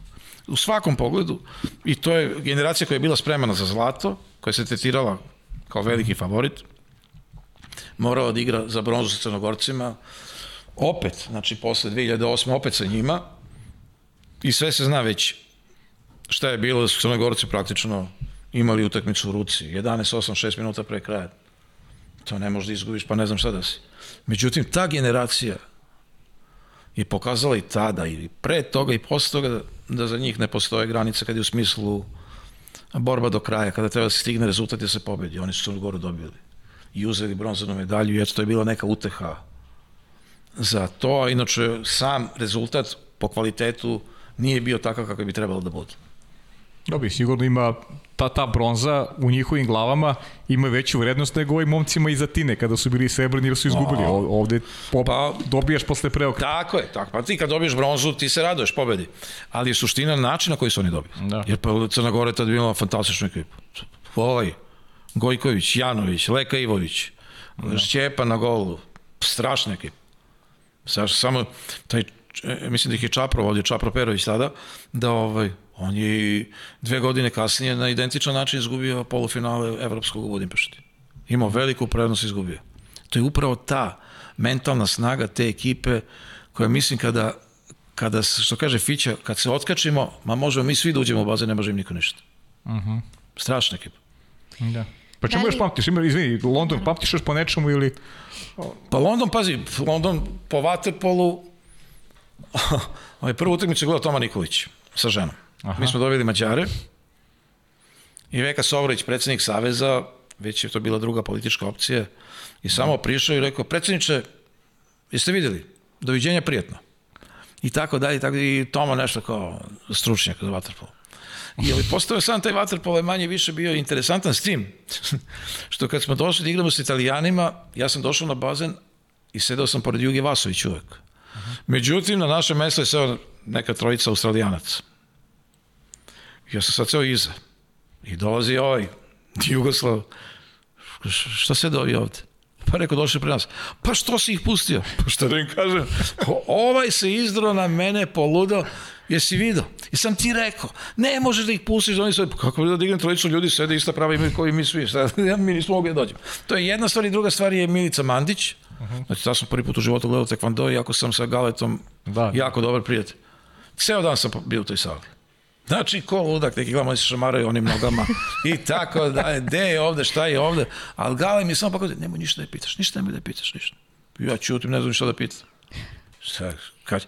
Međutim, mi smo Pajak Nežević iz uh, Bete bio tada, ja čitav dan, uveče su na finale došli drugi i stvarno, ta kad se osvoji zlato, čak i u sportu koji ne poznaješ, te to toliko ispuni srećom, toliko zadovoljstvom, da ti je najteže da da sačekaš njenu izjavu koliko bi već poželao da pišeš što pre i tako dalje i tako dalje. Iako da me ona pita kakva je taktika bila, koja je taktika, čovječ. Posle kad mi je Gale prišao što je on sve radio, da je on čitao to finale, imao snimljeno već unapred, da je ona tačno znala šta treba da uradi, jer je on takav genijalac. Yes. Poput Nikole, što je recimo Waterpolo i Savić. Znači sve je pripremio, sve organizovao, e to mi je ostalo u sećanju uz još neke dogodovštine sa Vladom Todorovićem, pošto on radi na na ovom sport klubu, da, da, da ne pričamo onda. Dobro, dobro, ajde. Da, nek ostane to i da, da, to će on. Za između redova, dobro. To će on kad zasluži, kad dođe. Vaši, da. E, ja bih pitala, 2014. godine Evropskog prvenstva, da li je tačno da je put od Budimpešte do Beograda traje 9 sati? Samo 9. Pa tako su rekli. mi smo prvo trebali da idemo posle finala, uveče. Međutim, ta utakmica je takva bila da mi nismo mogli sebi da dođemo koji smo gledali sa strane. Znači, kad ti sve ide, kad ti pokazuješ koliko si moćan, ne mislim da su ovi moji stavili naslov javni čas na Margi Cigetu, demonstracija sila. Znači, kad se već iriš, dobiješ pet razlike Mađare kući. I ovaj, nećemo, spavat ćemo još tu noć. Meni su Saša i Darko bili ta tamo, pa su se vraćali i radili kući. I ovaj, da ih je čekala majka da je pomenem, da ne bude da nisam pomenuo. Obavezno. Obavezno, razumeš, jer ona je u stvari zaslužna za sve, za nas troje. Ovaj, mi smo sutra dan krenuli ujutro. Pojedinci su bilo vrlo veseli i ujutro. I sve vreme smo pevali u autobusu, ne spavaj mala moja. Ne, tako ti je mala moja kad ljubi Bosanac. Kakav je to hor bio? Sličan ovoma sada dio otprilike. I na svakoj pumpi se stajalo po pivo. Svi smo bili obučeni. Bilo je mnogo pumpi. pa. A bilo malo. A, pri, a pritom granicu prošli ovako. I negde pred bar jedno sat vremena do Beograda stigne informacija da se ide na prijem I kod predsednika. A ovi moji em nabareni, em ne, jedva gledaju. I onda stanemo na pumpu da se oni preslače. Radi stvari, uzimaju majice koje su ovakve, onak. I Boba Nikić mi bre ko rumunski švercer. I dođemo do predsjedništva, sad, ja sam žurio kući nešto iz privatnih razloga, a rađen spava. Pa mislim, možda ga operišeš. On uopšte ne može da ustane čovjek, kako? Pa on bude, deki, gde mi sad idemo? Kako idemo kod tome, bre. Kog bre tome? pa kod predsjednika. Pa šta ćemo mi kod predsjednika? Pa ovo, pa ono. I ode on na kraju, ispoštuje sve. E, tu je čuveni Dekijev onaj na YouTube-u. Je, on je Da koristi legendarni. Koristi botoks, kakve. jeste. E, to je, ta, tačno je trajalo 9 sati. Ali pazi, sličan je bio- put od hotela u Rimu do aerodroma do Fiumicino, gde smo isto stajali gde god smo mogli posle onog svetskog 2009. zlata. a? Da, 2009, to je isto bilo slično. E, to ćemo pa, malo posle. Ajde. Vanja, ajde još jedno pitanje ovaj da...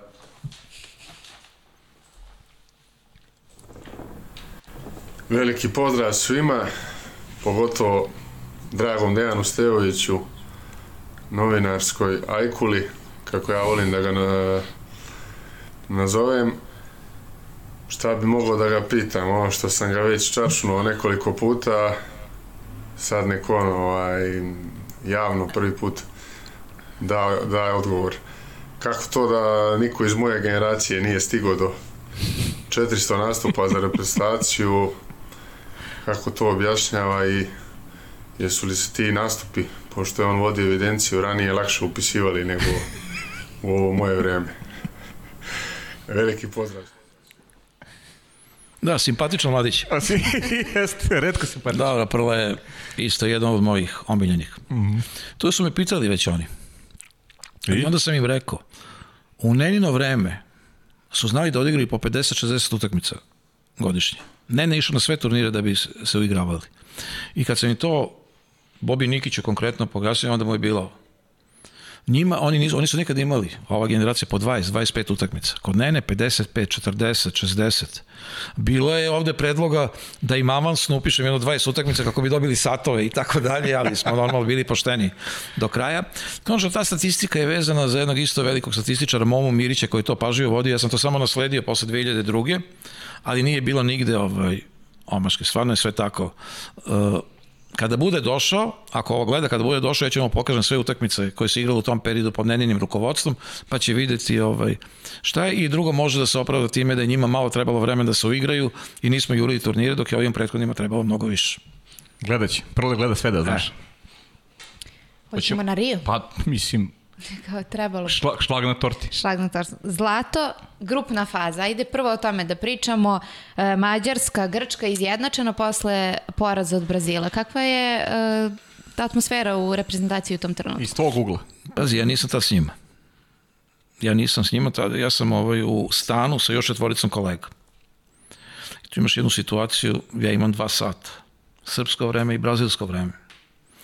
I taj moj već pomenuti Vlada Todorović me zove da gledamo pred jednu utakmicu reprezentacije, veče pre toga me zove da gledamo Novaka Đokovića. Stilu, ja gledam prvo kolo Novaka Đokovića, gledat ću ga u finalu, baš me briga. Odem ja da spavam. Probudim se u neko doba i greškom pogledam pog- pogrešnu ruku i vidim srpski sat koji mi pokazuje vreme da ja već treba da radim uveliko. A to je tri ujutru u Brazilu. Ja, se, ja skačem, oblačim se. Idem na utakmicu, moji igraju u devet. Ja vidim u sobi dnevnoj, smo u stanu bili, vlada kuca. Nenad Negovanović, jedan veliki fotoreporter, da. sprema slike. Što radite, bre, vi dile, bre, u, u devet ujutru, što ne spavate? Koji devet ujutru? Što vi radite? Ja osti već da je to priča što kad se šele, koliko košta da se ovo ne priča. Da. Ovaj, šta vidite? Pa evo pišemo novog. A, rekao, pa i koliko? Kaže, ispo. Sunce ti, ja se otreznim u sekundi. Probudim, ajde da kaže. Pa koliko je rekao sati? Pa kaže, pola tri. A, rekao, dobro, ja sam nešto pomeo. Odem ja da spavam i sad se vraćamo na te dve utakmice. Igraju 9 ujutru prve. Žabokrečina od vode. Oni sa pritiskom koji su sami sebi nametnuli neverovatno. Sad ili nikad. Kakav Tokio. Izvuku se protiv Mađara 4 sekunde ovaj Filipović protiv Grka. Prvi put povedu na turniru 2 minuta pre kraja. I ajde, dva remija sa favoritima, sad stižu ovi Papani, Brazil, Australija i Japan. E, taj Brazil ti je bio, mislim, ajde da, da, da ne lupim kad nisam pobacio. To je, znači oni povedu 2-0. 5-5 ili sa Brazilom 5-5 igraš. Onaj neki tamo Cipov baca loptu neku dugu 20 metara. Ovaj prima između dvojice naših, ovaj pravi peterac. 30 sekundi pre kraja. Ja ne mogu da verujem šta se događa. Boba Nikić koji je miran, jedan čovjek, uzima, baca bade mantil u besu. Ovi daju go i pobeđuju. Soro brani, ovaj ga Boba Nikić psuje tokom u temi dobre konju, spusti ruku bre da, da je nešto uđe nama. Ova brani ko lud. Ko lud brani. Po Soro meni pričao da je on time njih motivisao da se kasnije dignu. Ma šta si ih motivisao, nisu dali kako su. Završi se utakmica. Oni svi treba da prođu kroz mix zonu. A od novinara, mislim, Gojko Filipović iz Kurira i ja sam. Niko drugi neće dođe na Srbiju, Brazil, ej bre, to je 10 razlike. Svi idu i preskaču ogradu, idu direktno sa čovječom, neće prođe pored nas. Ne zato što neće da nam daju izjave. Nego što Sramo. ne znaju, bre, 10 da, Samo dođe Žile Gocić. Ja kažem, Žile, ali si bled. On kaže, ni ti nisi bolji. I Dejan dođe i kaže, ekipa je u šoku, ali možemo. I tad se već zna, Žile je održao govor o kojem ne znam ni jedan detalj. Sem da nije pomenuo vaterpolo i nije pomenuo sport. Znači njima je u slačionici uzao da priča, a on inače vrlo sugestivna ličnost, omiljena ličnost, jedan fenomen. I ovaj, dođe utakmica sa Australijom i to je živa istina Sad već došli svi novinari, osetili krv. Da, pa, da može svašta da bude. Da. E, ja sad tu već koristim svoje pravo ovaj, iskusnog novinara da ne sedim s njima, jer ću da se iznerviram. Jer svi mi želimo uspeh. Ali mnogi dođu da gledaju ako bude neuspeh, pa, da. kako će to da bude? Da će se pobiju, da će da pljune, da će, da će bude ovo. Neću da kažem, bilo je sjajnih ljudi. Ja se povučem i sam gledam u pres centru pravim sebi neku kafu koju uopšte nisam znao da napravim sa tim nekim njihovim aparatima, neku odvratnu prljavu i dve hostese. Jedna prelepa, a druga neka, bože mi oprosti, širano duža katastrofa. I sad oni gledaju mene, znači, kako mi damo go ja po stolu. Oni daju go, ja pljunem. Ovo, ono. Ovo me debela gledao, a lakira nokte, nešto. Gulo mi neko ludilo tamo, da šta. Ovaj, mi gubimo 4-2, rekao, jebo, da li je moguće, da li je da. moguće, da li je moguće da, ovaj, da će u grupi da ispadnu. Znači, sve razumem i četvrt finale i polufinale i finale da ne uspe, ali u grupi da ispadnu zbog Brazila, pa to da se ubiješ. Sreća mi dobijem. I ja od sreće toliko skočim. Da je ovo što je lakilo, nastavljao dalje, a ova debela skoči i počne da me ljubi, rekao, sudbino, rekao, Bog te vidio, da nemam, ajde, bar su oni pobedili, da ću da prihvatim i ovo, ovo mi izbalavila, da, ja, Serbija, Serbija, ovo, to ako je Serbija, idemo dalje. Posle je već bilo ovako, tad sam znao već da je sve gotovo i dan danas će ti ovi moji stanari koji su bili reći da sam dobio boju, jer sam bio potpuno mrtav čovjek. Kako? Ja to nisam mogu da izdržim. I posle je bilo lagano. Taj Rio, To mi je prvo okačio medalju oko vrata, to mi je jedna od najlepših momenta u karijeri, jer je znao koliko sam ja želeo. Ja sam s njima dopisivao na fejsu, ovaj, kažem, mi sad motku da s oproštenjem, on kaže, kaže, ne brini, to je gotovo. I svi su, e, a to je bio, bukvalno bih rekao, konsenzus u vaterpolu svetu da to treba da uzme Srbija.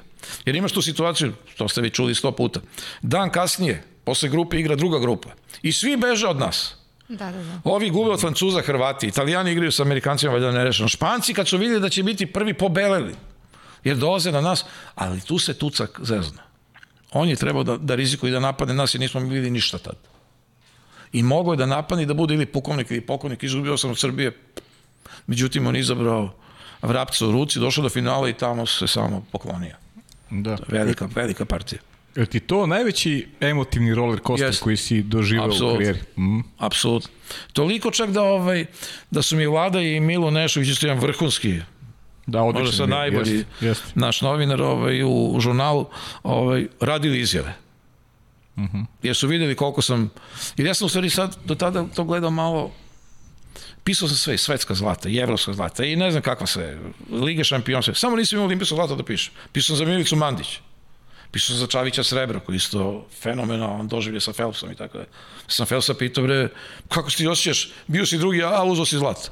Nisi ga pitao tako? Da, pitao u onom mix zoni dok je on prolazio, nije on nije okrenuo se kako Da. Srbin. Da, da. Žurnalist kakvi, nema veze. A to je jednostavno bes. Mm -hmm. koji osjećaš. Ali ovo je bilo meni više ništa nije trebalo. Ja sam sva takmičenja do utakmice sa Španijom gledao mrtav, ladan, svestan ovaj, da su oni sve uradili što je trebalo i ono što stalno govorim u Riju je odlučio kvalitet pa njihova pamet, da. a ovde pamet pa kvalitet u Tokiju. U Tokiju, a? Jer su oni znali šta treba da urade. Mm. Bilo je u taj Rio je stvarno, mislim to večer smo mi išli da gledamo finale odbojkašica, to je bio Dača koji je presrećan zbog Dejana i čeka Zlato Majno. Majnu, da. I to nije se moglo. Ali smo Deki Savić i ja to večer imali jedan razgovor koji nije bio mnogo prijatan. Jer sam ja bio u svom šoku, on u svom šoku, da bi sutra dan se videli na toj košarci, nismo ni pomenuli taj, izgrili se ko rođena braća i, i sve je bilo tip top. Jednostavno, veliki je adrenalin bio, veliki pritisak i svaka njima čast šta su izdržali, kako su odigrali te. Jer to što se desilo u Riju, desilo ti se godinu dana ranije u Kazanju. Polufinale sa Italijom, finale sa Hrvatskom, to je demonstracija, bezobrazna demonstracija sile. Mm. Šta sve mogu, kako daju golove? Manda, Šrauba, ona, Jakša daje go u onome, u finalu kazanja. Fantastično, fantastično doživlje. Mm. Vanja, hoćemo na još jedno pitanje, a? Pozdrav svima u studiju, pre svega tebi Pajo, a naravno jedan veliki pozdrav za tvog današnjeg gosta Čika Stevovića. Želim još jedan put da mu čestitam zasluženi odlazak u penziju i još jedan put da mu se zahvalim na svemu što je uradio za srpski vaterpolo. Verujem da je pisao sve što je znao, odavno bi vaterpolo bio na stranicama žute štampe, hvala Bogu to se nije desilo, pa negdje prvo pitanje da li je nekad trpeo pritiske od urednika da piše nešto što bi sigurno doneli veći tiraž njegovom listu, opet narušilo ili vaterpolo reprezentaciju ili vaterpolo savez, pa da li je nekad on imao dilemu ili da li je trpeo pritiske od urednika ili nekog ko je bio iznad njega. Drugo pitanje, sa kim iz vaterpolo sveta ili sa kojim selektorom je bilo najteže sarađivati. Treće pitanje, najdrža medalja za vreme dok je, evo, sve ovo vreme dok je radio u, u Waterpolu i poslednje pitanje malo privatno, a malo da mi govori ko novinar, da li je vreme da Partizan osvoji titulu u futbalu i u košarci. Hvala i pozdrav. Ko je ovaj? Ovo je Stefan Čević. Stefan. Ovo je Čekaj, bre, ovaj se opustio, ovaj, ovaj inspektor. Koji, a, četiri Znači, pitanja. prvo ovo, za ovo četvrto pitanje, pošto on zna da sam zvezdaš, ovaj, vreme jeste, ali ne mora. Dobro. Može da bude, ali ne mora. A, da ne znači. mora, dobro. Šta je bilo ono, onda, onda Rio, bez Rio, dileme. bez dileme, da. Što se tiče ovih Trener, trener ovaj koji trenerskoj, najteže sarađivati. Nisam imao problem. Stvarno, Mhm. sad, o, o, interesantno pitanje, ni sa jednim nisam imao problem. Mhm. Ni sa Nikolom, ni sa Nenom, Naprotiv, Nena me i ubacio u reprezentaciju tu varijantu da budem stalno s njima i onda svi koji su dolazili govorili su, i to Nikola sami znao, kaže, svi mi prolazimo, samo Deki ostaje. Što je i kompliment na neki način, a sa druge strane, ovaj, ti pokazuje to neku vrstu poverenja koju su imali u mene. E, pa to je, sad se vraćamo na prvo pitanje, najmjerno sam sačekao, to sam to i ranije da ti pitam, da se nadovežem samo ovo što je pitao uh, Stefan. Želimo i njemu i Noizi Leseku dosta uspeha u kvalifikacijama za Ligu šampiona. E, kako si uspio da izgradiš tu vrstu poverenja? E, Pa znaš šta, ja mislim da sam, da sam tu, tu vrstu poverenja uspeo da izgradim pre svega pisanjem koje nije bilo senzacionalističke. To je jedna stvar. Kad sam kritikovao, kritikovao sam sa argumentima. Ja i dan danas kad sam govorio mlađim kolegama, ti napiši šta misliš, kritikuj, ali moraš da stojiš iza toga sa argumentima. Pa ako te on pobije argumentima, onda priznaj. Ja sam recimo priznao 96. posle Atlante, javno u tekstu sam pogrešio što sam verovao da oni mogu da urade nešto. To je greška bila. Osjećao sam intimno da ne mogu da urade ništa, ali sam im dao podršku. A ovo sada ni sa jednim trenerom. Pazi, Dejan Udovičić je bio moj honorarac. Uh -huh. Znači ja kad sam došao u žurnal, kao stalno zaposlen, on je malo sarađivao u Waterpolu i gomilu stvari mi otvorio. Mi smo na kraju 2012. imali jedan nesporazum gde, gde smo došli do, do spora krivicom treće osobe koji on shvatio i tako dalje, ali je cena bila paprena u tom trenutku, sada ne pričamo o čemu sada nije ništa dramatično, ni nego jednostavno i posle pet dana smo se ruka ruci idemo dalje. I dan danas smo odlični. O Saviću da ne pričam, Nena me ugura u reprezentaciju i rekao mi je ti samo ove novinare primi i daj im izjave u moje ime, ja ne mogu svima njima da govorim. A ti, ja ću tebi da kažem, a ti pričaj njima. To je tako bilo s Nikolom. Tu sam već bio klinac i gledao sam kako Boga i ko je bio još Dragan Andić, aj to je jako kratko trajalo i to je to. Sa Perom Porobićem sam da danas malte ne odličan prijatelj. Znači, nisam imao ni jedan zaista problem. A što se tiče ovih pritiska, pritisaka, nisam imao nikad pritisak. Možda i zato što sam već tad kad su oni počeli da uzimaju uh, da uzimaju te medalje u seriji, da sam već imao neki određeni možda autoritet u poslu jer sam govorio da mi je žurnal najvažnije, ali da je jako bitno, čak nije ni bilo tih nekih situacija zbog kojih bi ja morao da kažem "E, što ovo nisi znao, što nisi napisao. Znaš, možda sam imao sreću u tom vaterpolu da su uvijek bili izuzetno ovaj, uspešni. Tako da je taj neki a znao sam, imao sam neku ru- rubriku Peterac, da sam znao da opletem, kad mi nešto nije jasno, i dan danas mi nije jasno se tri utakmice u Beogradu igraju isto vreme, a onda mi je jasno da svi koriste svoje termine da ne bi plaćali druge. Jer onda dođeš do druge situacije. Zašto Beograd ne pušta besplatno termine za utakmice, zašto nemaju beogradski klubovi određene pogodnosti kada koriste utakmice, to je olimpijsko zlato i tako dalje.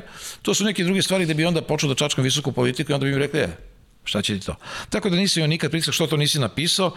Bilo je neke situacija kada sam kasnio sa informacijom i to ovim malo ovaj, da kažeš pljuvačkim, ali mi niko nikad nije zamerio, baš zato što sam o tom vaterpolu pisao puno, pa je bilo i varijanta, pa može i on da pogreši. Da, da, jasno, jasno. Dobro, ali to poverenje, to je jako bitno. To ima veze i sa čovekom, to definitivno kako se postaviš, da su- ti a, neko izvini, kaže a, da. nešto u poverenju, a da ti to ne zlopotrebiš. Da, To, to, je, sam ja nedavno je na, na fejsu jako važno, pisao. da. Na fejsu pisao, sedao sam u društvu sa Čirom i Savićem pre 10-15 dana. To je druženje trajalo od 15 do 24. Da. I onda njih dvojica tako pričaju kao vas dvoje. Tap, tap, tap, pa dobro, možemo pred njim. I onda opleti priču. Da, da. Ne, ne, možemo pred njim. Sad ja tu imam u glavi. Ja sam ih put rekao, ej, nemoj da mi govoriš o poverenju. Jer ako u poverenju znam, znači ne treba da pustim, a neko ko neće biti u poverenju će to pustiti i razvalit će me. Srećom nije bilo toga mnogo. Bilo je vrhunskih dan, danas ima odličnih novinara koji prate Waterpolo i koji nemaju tu prisnost s ovim ljudima koji sam ja imao, ali nikad mi se to nije obilo u glavu, niti sam šta više, eto i sad neke stvari koje možda znam, ne puštam u novine, jer nema potrebe da talasam i da dižem neku ne, ajde, glupo reći revoluciju, dižem neku temperaturu za neke stvari koje će da. doći polako. Slažem se. Da li je tačno da su više puta kad ih pozovete za izjavu da su vam rekli napiši šta hoćeš, imam puno poverenja i to je to? Pa jeste. Jeste, ali znaš kako to ti je ja im uvek kažem, slušaj, ako nemaš vremena, ja ću da te napravim pametnim nego što jesi. Mada, to sam se šalio, naravno. Oni su stekli to poverenje više iz situacije što kada bi ja bio u nebranom grožđu i kada nemam to što mi treba, ja sam to onda guru novi, ne često. To oni sad mene zavitlavaju. Ne često, ali su oni znali da sam, nikad nije to protiv njih urađeno. To mi je prle potkačio i vlada, kaže, ne znam odakle on iz moje glave izvlačio te misli, a da, ovaj, a da ja to nisam govorio. Jer toliko sam s njima bio da ih jako dobro znam. Deki Savić mi je rekao, ej, piši šta hoćeš. To može bude dobro, ali u nekom situaciji kada je neka panika i treba mi živa reč. Recimo, sećam se jednom, radio sam za Tempo, tezgario kod Mirka Stojkovića, mm -hmm. on mi uveo tu vaterpolo intervju i meni propade nešto što sam planirao, Pff, imam dva sata vremena, još šta ću ja sa Dačom intervju veliki. Dve strane, udri on u Italiji, tamo, trt, mrt. Dođem u Kranj, ja nosim tempo, rekao, dobar ti ovaj intervju. Koji bre intervju? Koji bre intervju? Ko ti dao intervju? Preko ti si dao za tempo, evo ga. I on uzme čita, 95% si pogodio majku ti. 95% si pogodio. Znači, I, ej, I onda su ovaj, stvarno, onda su mi svi zadali tu varijantu Stefan isto, kaže, ti mi samo kažeš priča, ja pričam i šta treba i šta ne treba. Ali nikad ih nisam ovaj, zezno sam ja na fejsu pisao mnogo o njima, ali na drugi način i onda su tu stvari videli koliko ja njih poštujem, koliko ih prihvatam. Na kraju kraja, vi ste svi moje deca. Igora i Šoleta sam gledao kao bogove sa Šapićem, Vujasinovićem sam rastao, a ovi su svi već, kad su ulazili u priču, znali za mene pre nego što sam ja znao za njih. Ne da je to ne, znali za Krleta, za Ivana Cvetkovića, za veliki broj tih novinara koji su pratili Vatrpol i tako smo mi bili nekako tu daleko, pa smo sad postali bliže. A ovi sad što dolaze? Kakvi? To su mi unuci. Unuci, da. da. Deki, ovaj, pre nego što krenemo malo da, da pričamo i o tim nekim nagradama koje si dobio kao novinar i knjige koje si napisao, ovaj, aj to kratko, ako malo da prođeš kroz, ovaj, kroz Tokio koji je samo potvrda vrednosti i, i, i ove generacije i generalno srpskog vaterpola i da te vratim na činjenicu da si izveštavao sa 12 svetskih prvenstva sad, da, da, da, se, da se zakačimo sad za sve, trebalo bi nam da. bukvalno emisija od 12 sati, pa eto nešto što bi ti izdvojio recimo sa tih svetskih i evropskih šampionata što je onako tebi posebno drago možda kao rezultat ili ne znam za neku situaciju koju si imao na tim takmičenjima ako možda se setiš ovako na, na, na prvu loptu. Teško je sad, pazi, to je bilo i 12 svetskih i 12 evropskih. Jako je teško izvući, recimo Rim je uvek kad se uzme zlatna medalja, to ti je da.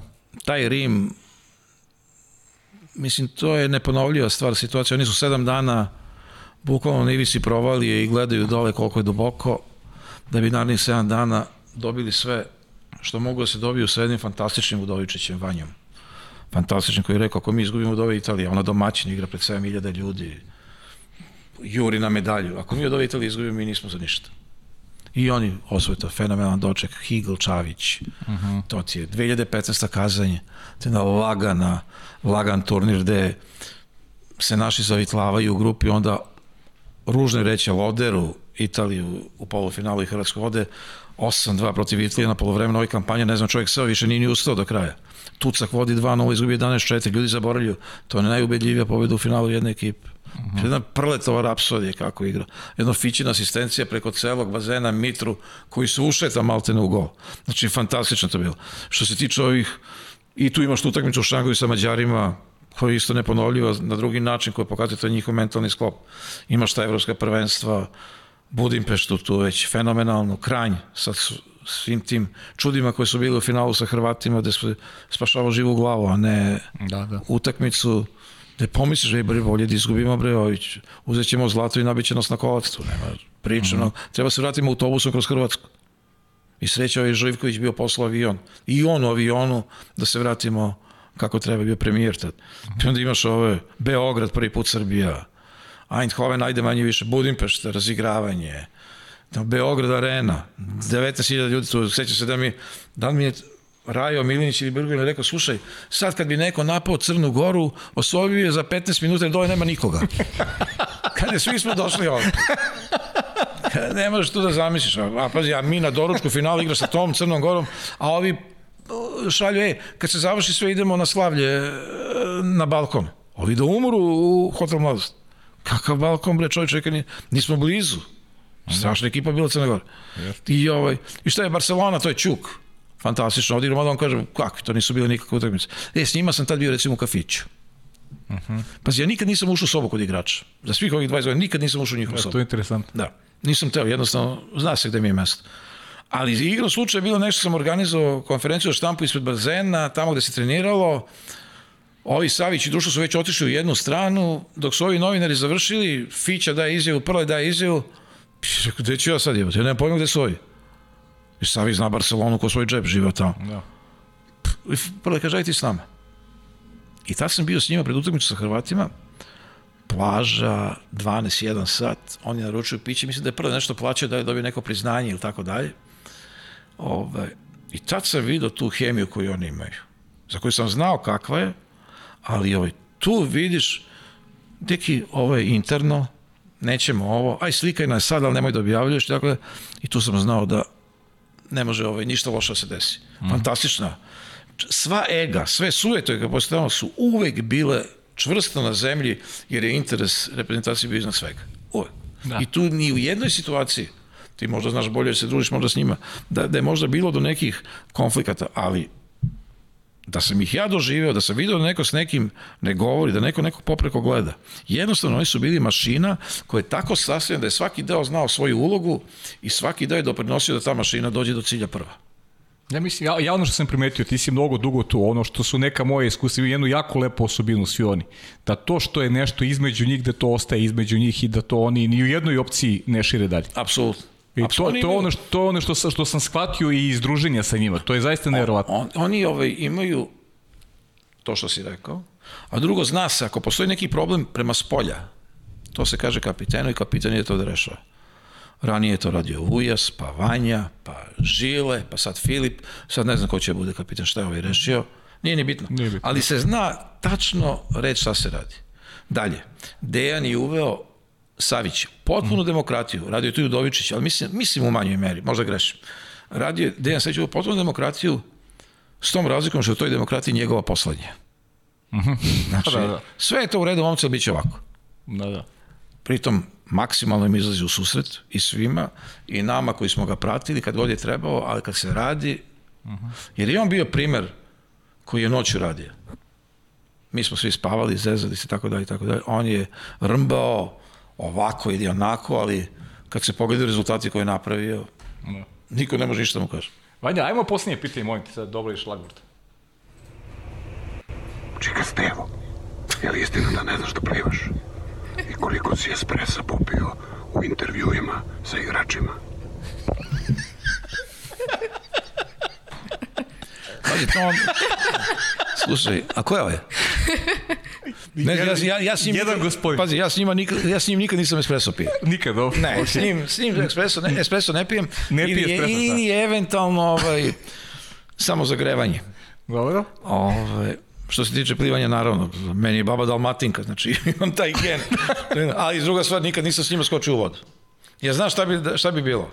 Dođi ja ti pokažem, čeka se evo na dva metra kako se čuva, dođi vama ti pokažemo koji je bliski kontakt i tako dalje, pogotovo kad je on meni pričao kako je 2006. na svetskom kupu, znači, deko Hrvatskog centra je odučio od igranja, a onda je taj izašao napolje i ulazi Boris Pavlović koji je prepadnut već o činjenice da ide s njim u duel.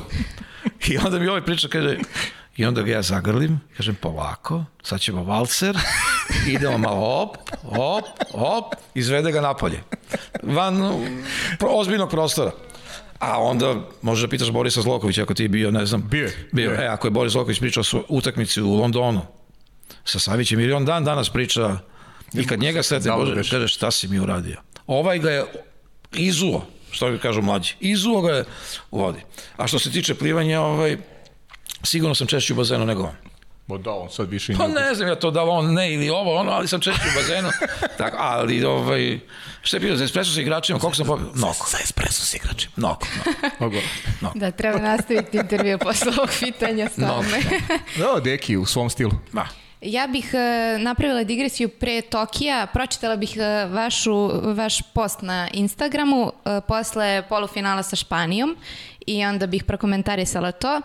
E, nekako prežive smo, nagledao sam se i opisivao stresnih utakmica, ali ovo sa Španijom, da se rikne. Glava porodice nije smela u kuću, sedala u dvorištu, telefoni isključeni, a ja šetam kao na traci u teretani. Kada se sve završilo, vidim nešto mi mutan televizor. Pogled mi nije bistar, i kao shvatim oči mi suze. Pa ne znam šta treba da se objasni. Što je glava porodice sedala u dvorištu ili... Sve. Da. ne, situacija... I definitivno situacija sa ovim VAR sistemom i tim spornim Ma ne, VAR sistem, to je u celoj priči nebitna stvar. Mislim da taj VAR sistem nama pomogao. Da, da, da. On je Špance potpuno zapanjio, jer oni, nisu, oni se nisu bunili uopšte. Dobili su na poklon gol koji ih je šokirao, a pritom i ovim našima tako šamarčinu zveknu da su morali da vrate. Utakmice znači negde u 12-1, ne znam nije koliko je bilo, 2-3, nije bitno. gospođa dolazi s posla, ali ne sme da uđe u kuću. Mora da sedi u dvorištu, jer u susednoj kući moj brat od tetke gleda utakmicu, ja gledam ovde. I to je stvarno bilo, ne da se rikne, ali čitav taj deo kada ovaj Manda smanjuje ili izjednačava, više ne mogu setim, a Filip daje taj gol, taj utis, da sam tamo bio, ja ne znam šta bi radio.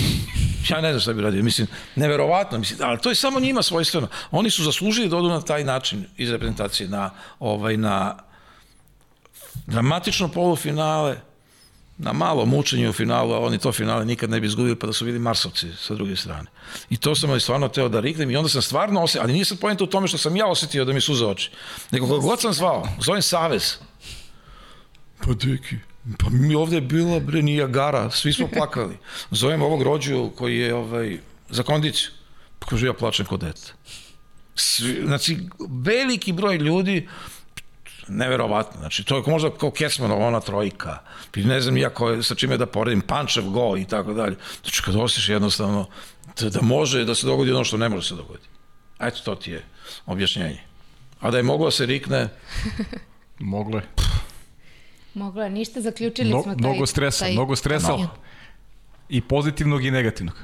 Pa, Aj kad sabereš sada, šta ti je ono najteže palo kada pričamo o nekim porazima? Šta, šta Pa, si najteže doživio? Atina, definitivno. Pa Tina, ja to uvijek pričam i tu pišem i na Facebooku.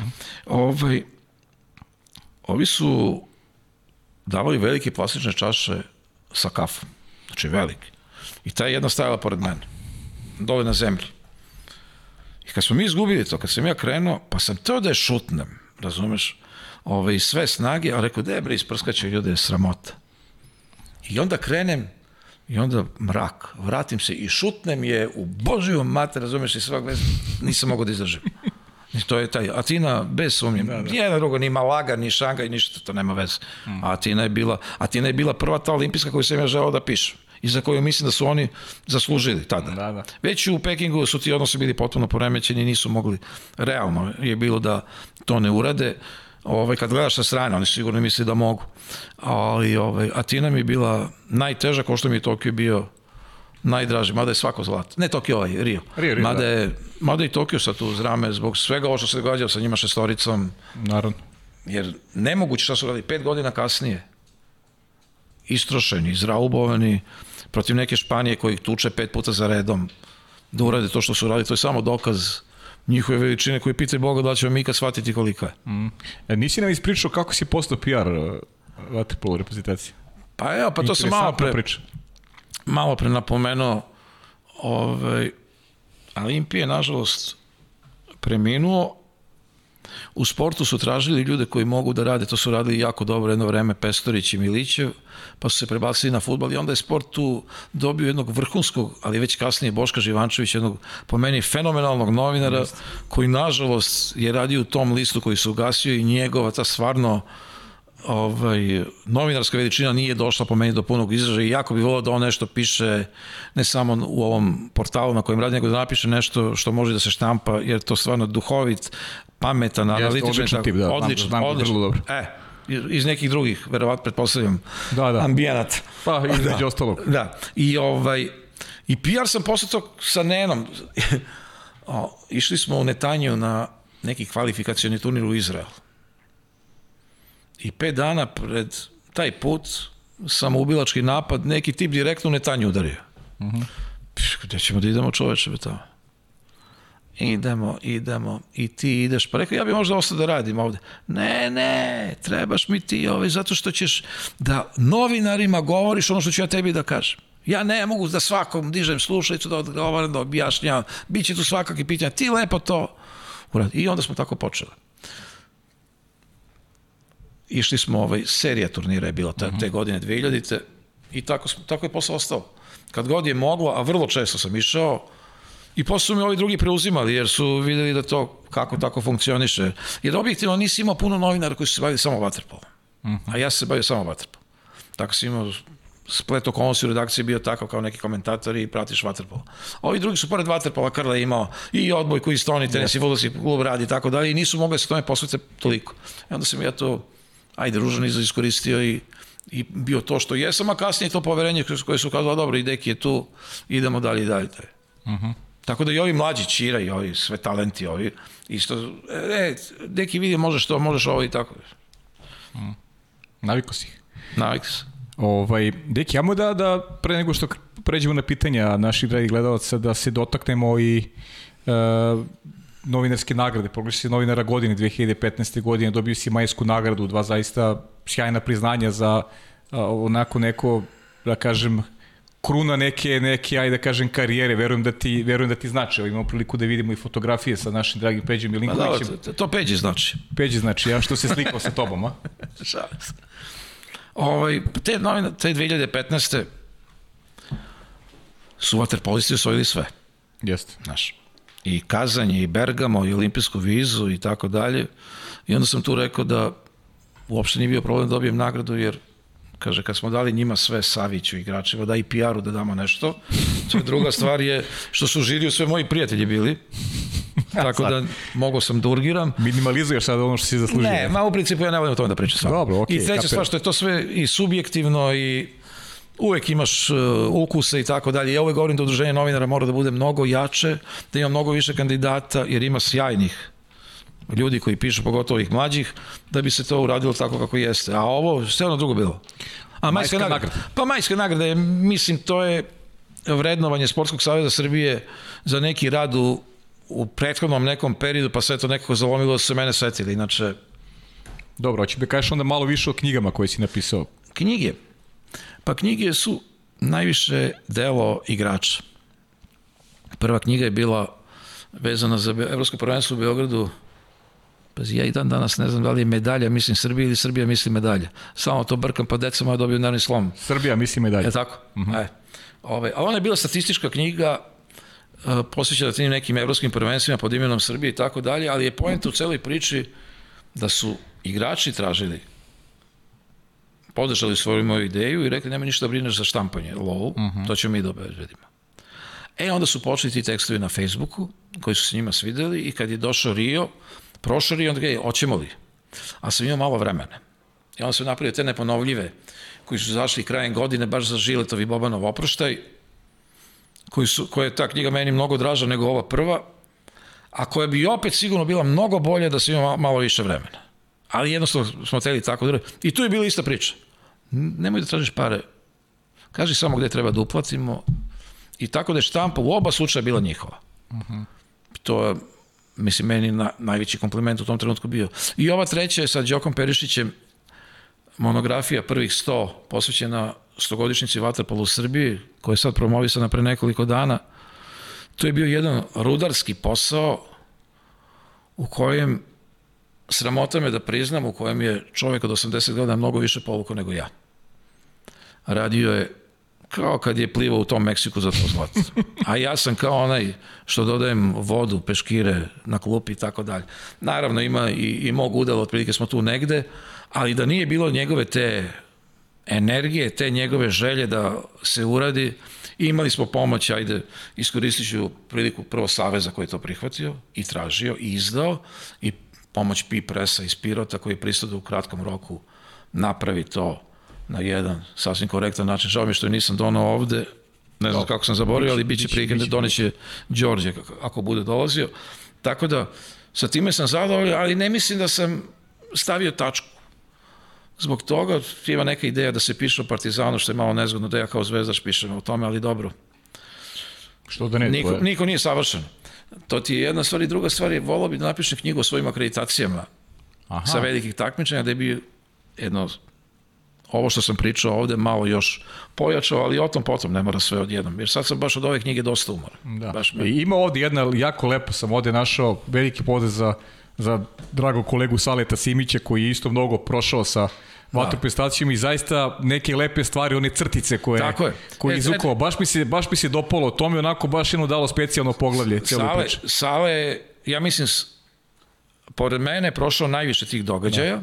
s tim što sam ja imao tu sreću da sam imao obezbeđeno sve, a on se snalazio na majstorski Yes, način. yes. I kad Sale uzme, sjajan tip, I da, kad uzme onu svoju kameru i Yes. krene da snima, x puta smo pomagali jedan drugom i stvarno moj, moj dragi prijatelj i jako bih volao da on napravi od svih tih svojih isečaka, jer on je ulazio u slačionicu, on je Fontani di Trevis, Fontani di Trevis, bazena ih je slikao, šta sve nije radio da to bude kako treba, ovaj, vredi da to zabeleži. Ako je sve sačuvao, to bi moglo da bude stvarno... Imam nameru da ga jednom prilikom ovaj, pozovem, razmišljao sam da znaš nećeš, nećeš ništa promašiti. to. Da, da.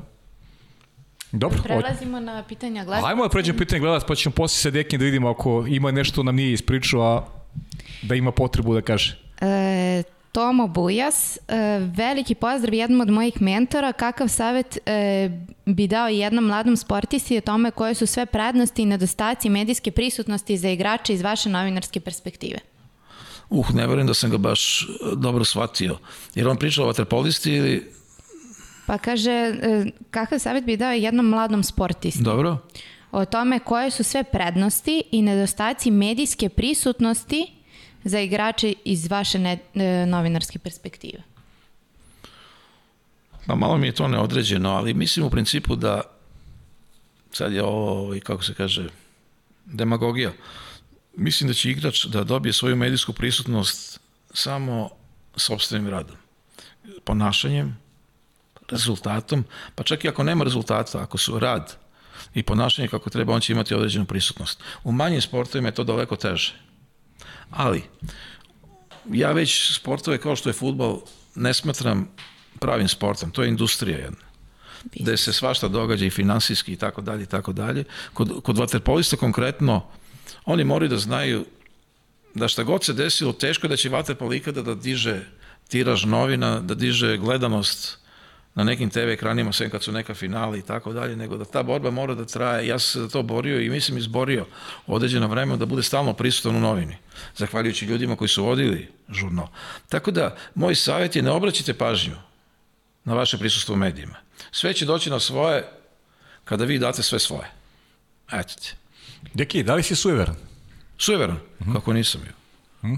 Kako nisam? Pa znaš šta mi se desilo u Rimu, bog ti. Ajde, kaži mi. 2009. Crna Gora moćna, jaka. Igraju četvrtfinale sa Nemcima. Mi igramo posle toga utakmicu sa ne znam s kim beš. Ne, osmina finala, tako nešto. I ja dolazim na bazen i 7-7. Ja se naslovim na zid, i oslovim se na jednu nogu, drugu pod koleno savim i naslovim na zid. 8-7 za Nemce. Ovo da Vlada Gojković neće gledati. 8-7 za Nemce, rekao majku. Rekao sad ako se pomerim i ovi izjednače, gotovo sve. Ja sam tako stajao dok se nisu završili produžeci u kojima su Nemci pobedili golom našeg čoveka Marka Savića. Znači, posle su me špaklom skidali, jer je ova noga potpuno otišla, nakon, ono, ova desna koja je bila na zidu, ona nije funkcionisala uopšte.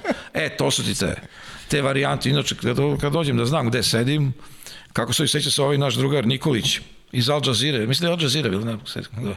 isto jedan sjajan dečko novinar u Riju. Rekao, ti imaš sediš pored mene. Si u istim pantalonama u Rio gleda utakmice, a? Da, da. Tačno, to jeste. Šta sam? U istim pantalonama si gleda utakmice. Ne, ne, ne, ti misliš na patike. Na patiki. Na patike. patike. A ne, nisam u istim. Nisi u istim? Da, ti si ovaj, se pripremio. Pa jesam. Pa oni nisu, oni Koliko nisu, sam oni, oni nisu mogli... promašio nešto, da ne, ne. ne, oni mi nisu mogli da se sastave. Pja, šta da uradim, okrećem se vata. Normalno, to je sad malo i, kako se to kaže, uveličano. Ja promenim patike. I snimim to i pustim na face. Posle utakmice da vidim kakvi su to komentari bili. Skloni ih u muzej, čuva ih do rija. Ne skidaj. Čerka me sačekala sa transparentom gde su patike. I tako da patike. Sjajno. Pa, ja te patike i dan danas imam. Čak ih i nosim nekom fantastičan neki patike. A kad to je nekom u beznađu, nekom ne znam šta radim čovječ. Daj nešto da promenim samo. Sjećam se jednom sam krenuo, u Riju ti je bila varijanta u autobusu 12 stepeni napolju 40. Sad ti moraš uđeš u autobus. I ja krenem bez duksa. Rekao, ne valja se vrati, majko. Ako se vrati, izgubi Bog. I ja na 12 stepeni ovako se tresem, kako i samo da sve bude kako treba. I bilo kako treba. A, bilo, naravno. Ajmo dalje, Sara. E, Neven Ćirković, veliki pozdrav za legendu srpskog novinarstva. E, kako se osjećao prilikom svog prvog terenskog izveštavanja sa našim vaterpolistima? U, pa to je bilo trema, to je bilo taj TV turnir u Kotoru, gde je bilo neka gužva u Savezu, igrači su štrajkovali, Bata i Nikolić su podržavali jer im se dugovala nagrada za, za bon ili ne znam zašta i mene redakcija pošalje dole i nikome živi ne zna njih. i ja im prilazim i sećam se da sam se žestoko bio prepao kako će da me prihvate. Uopšte nisam razmišljao o tome da su oni potpuno sjajni momci, normalni ljudi. Taj odnos koji sam tada video s njima, Igor Šole, Goč Rađa, Subotić, i dan danas su zadržali. Potpuno isti, normalni, spremni za šalu, spremni za svađu i za ljutnju i sve, ali jednostavno svi smo bili naši. Tako da mi to posle toga već sve bilo lakše. Deki, je li tačno, je li tačno da je futbal onako neka dječačka ljubav da se igraju i sa Zdravkom Čolićem futbol? Igrao sa Zdravkom Čolićem i Srebrnim krilima. Aha. I Đorđem Novkovićem i to je. Do, jed, to je- jed, ne, nisi peo u Srebrnim krilima, to znam. Pa dobro, ali ovaj, kako je onaj peo, šalim se, šalim se. Ne, to je bila situacija, ja sam stalno letao na Šolti tamo odakle mi je baba. Imali smo neki šljakasti teren, a tu su Srebrna krila spremala album i Đoka Noković je sa čolom spremao isto neki album. I jedina zabava je bila futbal i plivanje. I onda smo igrali taj futbal. Čola je bio onako, Ove, igra je korektno, ne mogu da kažem da je bio nešto u tom malom futbolu posebno dobar. Bio sebe na krilo su imali jednog odličnog, odličnog, neki Mucis mislim da se zvao. Đorđe Naković je odlično igrao futbol. Mm -hmm. Njegov sin Boris, on se vratno toga neće bio klinac tada, ali i on se tamo nešto trpao i igrao. I to je istina živo. Čak sam u jednom trenutku, nisam bio uopšte grubi igrač, ali sam u jednom trenutku slučajno zakačio čolu, sutra dan mi pričao, joj, kako si me, joj, kako si me. Ali šta je sad interesantno, da ne bude da sam stvarno s njima bio ravnopravan. Posle 10 dana, ja u Beogradu izvežam se utakmica Čukariškog, dođe Đoka Novković. Znači, mesec dana smo bili zajedno na šolti. Dođe Đoka Novković na utakmicu, rekao, otkud ti? Pa kaže, dobijem vreme, imamo koncert. Ko ima koncert Srebrna krila večer? Ajde, kaže, idemo u Hotel Union, tamo su oni smešni da ih vidiš. Ajde, rekao. Jer mi veruješ da me nisu prepoznali? Koliko sam im traga ostavio za tih mesec dana. A oni, kuj beš ovaj, pa bio sam na šolti. Jao, da, da, da, kako beše? E, tako su bili. treba si više da ih maltretiraš. Ne, ne, od, odlični su bili. Za tih mesec dana su bili odlični. Ali, o, eto, to je koliko su bili popularni. To je milion ljudi. Kuj bre, ovaj beš, što će ovaj? Eto, tako ti. Sjajno. Ajmo dalje. E, Waterpolo vesti. Da li se raduje početku sezone, odnosno Super lige prve A i prve B lige? Strašno se rade. To je to. To je to. Nemamo dalje. Najdrži momenti rada na, te, e, na terenu sa našim vaterpolistima, to smo rekli da Pa je, da. da je Rio. Ma ne, mislim, svako takmičenje je lepo, samo uh, njegova vrednost se na kraju meri Kroz rezultat, njihovim da. rezultatom. Bilo je kad su oni radili odlično da ja nisam bio zadovoljan kako sam ja radio. Ali ovaj, u principu sve vezano za to zlato. Njih od njih je, hvala Bogu, bilo milionima. E, Leno 7, koji su po njemu ljudi e, koji su najbolje upravljali savezom? Ko pita to? Leno 7. Tako, potpisano. Da. Često se javlja, ne znam tačno ne, ko ne, je. Šta, šta su, šta, ko, ko se? Ko Koji se su po njemu najbolji ljudi koji, e, koji su po njemu ljudi koji su najbolje upravljali savezom? Pa vidite, kažem, i to isto zavisi isto zavisi od eh, rezultata koje ima reprezentacija. Ja ne mogu da kažem da šta ja znam, ono kad sam ja počeo da pratim, još je bio ono jednogodišnji mandat 90-ih. Posle to došla neka varijanta Željka Simića, to sigurno bi rado zaboravio. Veka Sorović je bio veliki, Nik, uh, Milan Kuljač je bio veliki vaterpolo zaljubljenik. I mnogo je radio ne samo zbog sina. On je baš uživao tim uspesima i mnogo je dao za to. A, ovaj, posle njega je došao kako se zvaš ovaj, nije Veka Sovrović, Veka Sovrović je 2005. koji isto mnogo dao. Ali se Veko u jednom trenutku precenio i ovaj, poz, uh, ponadao u političku snagu stranke koje je pripadao. Kada je došlo do neuspeha, onda je i on stradao zajedno sa tim i ostali su neki dugovi koje je Viktor Jelenić svojim poznanstvima i svojim vezama uspeo da reguliše. Krivokapić ne mogu da kažem da je vodio savez loše kad se osvojio sva moguća zlata. Znači, mislim da, ali ako, ako ovo neka bude odgovor, da nikada savez i klubovi nisu imali takvu situaciju povoljnu kako imaju sada. Dobro. E, Petković hoće li nas, bez obzira na penziju, već idućeg e, leta obradovati sa svojim vaterpolo pričama? Pozdrav iz Republike Srpske. Pa ja se nadam, ali... Pa nadam se. Deki, e, šta ti je plan generalno? Pa ne. Penzija kad pa, pazi, prvo penzija treba da dođe. Dobro, ona kad dođe. Da, ona dolazi sa sad. Ja ti ostaješ kažem- uz vaterpolo, to su mnogo pitali. ostaje uz Waterpolo, pravim sa Sport Networkom seriju posvećenu zlatnim medaljama koje bi trebao da krene krajem godine ili početkom sledeće tu na sport klubu. To će biti jedno 15-16 ovih e, epizoda. Sad su nam ovi zadali novi zadatak, moramo i Tokio da obradimo.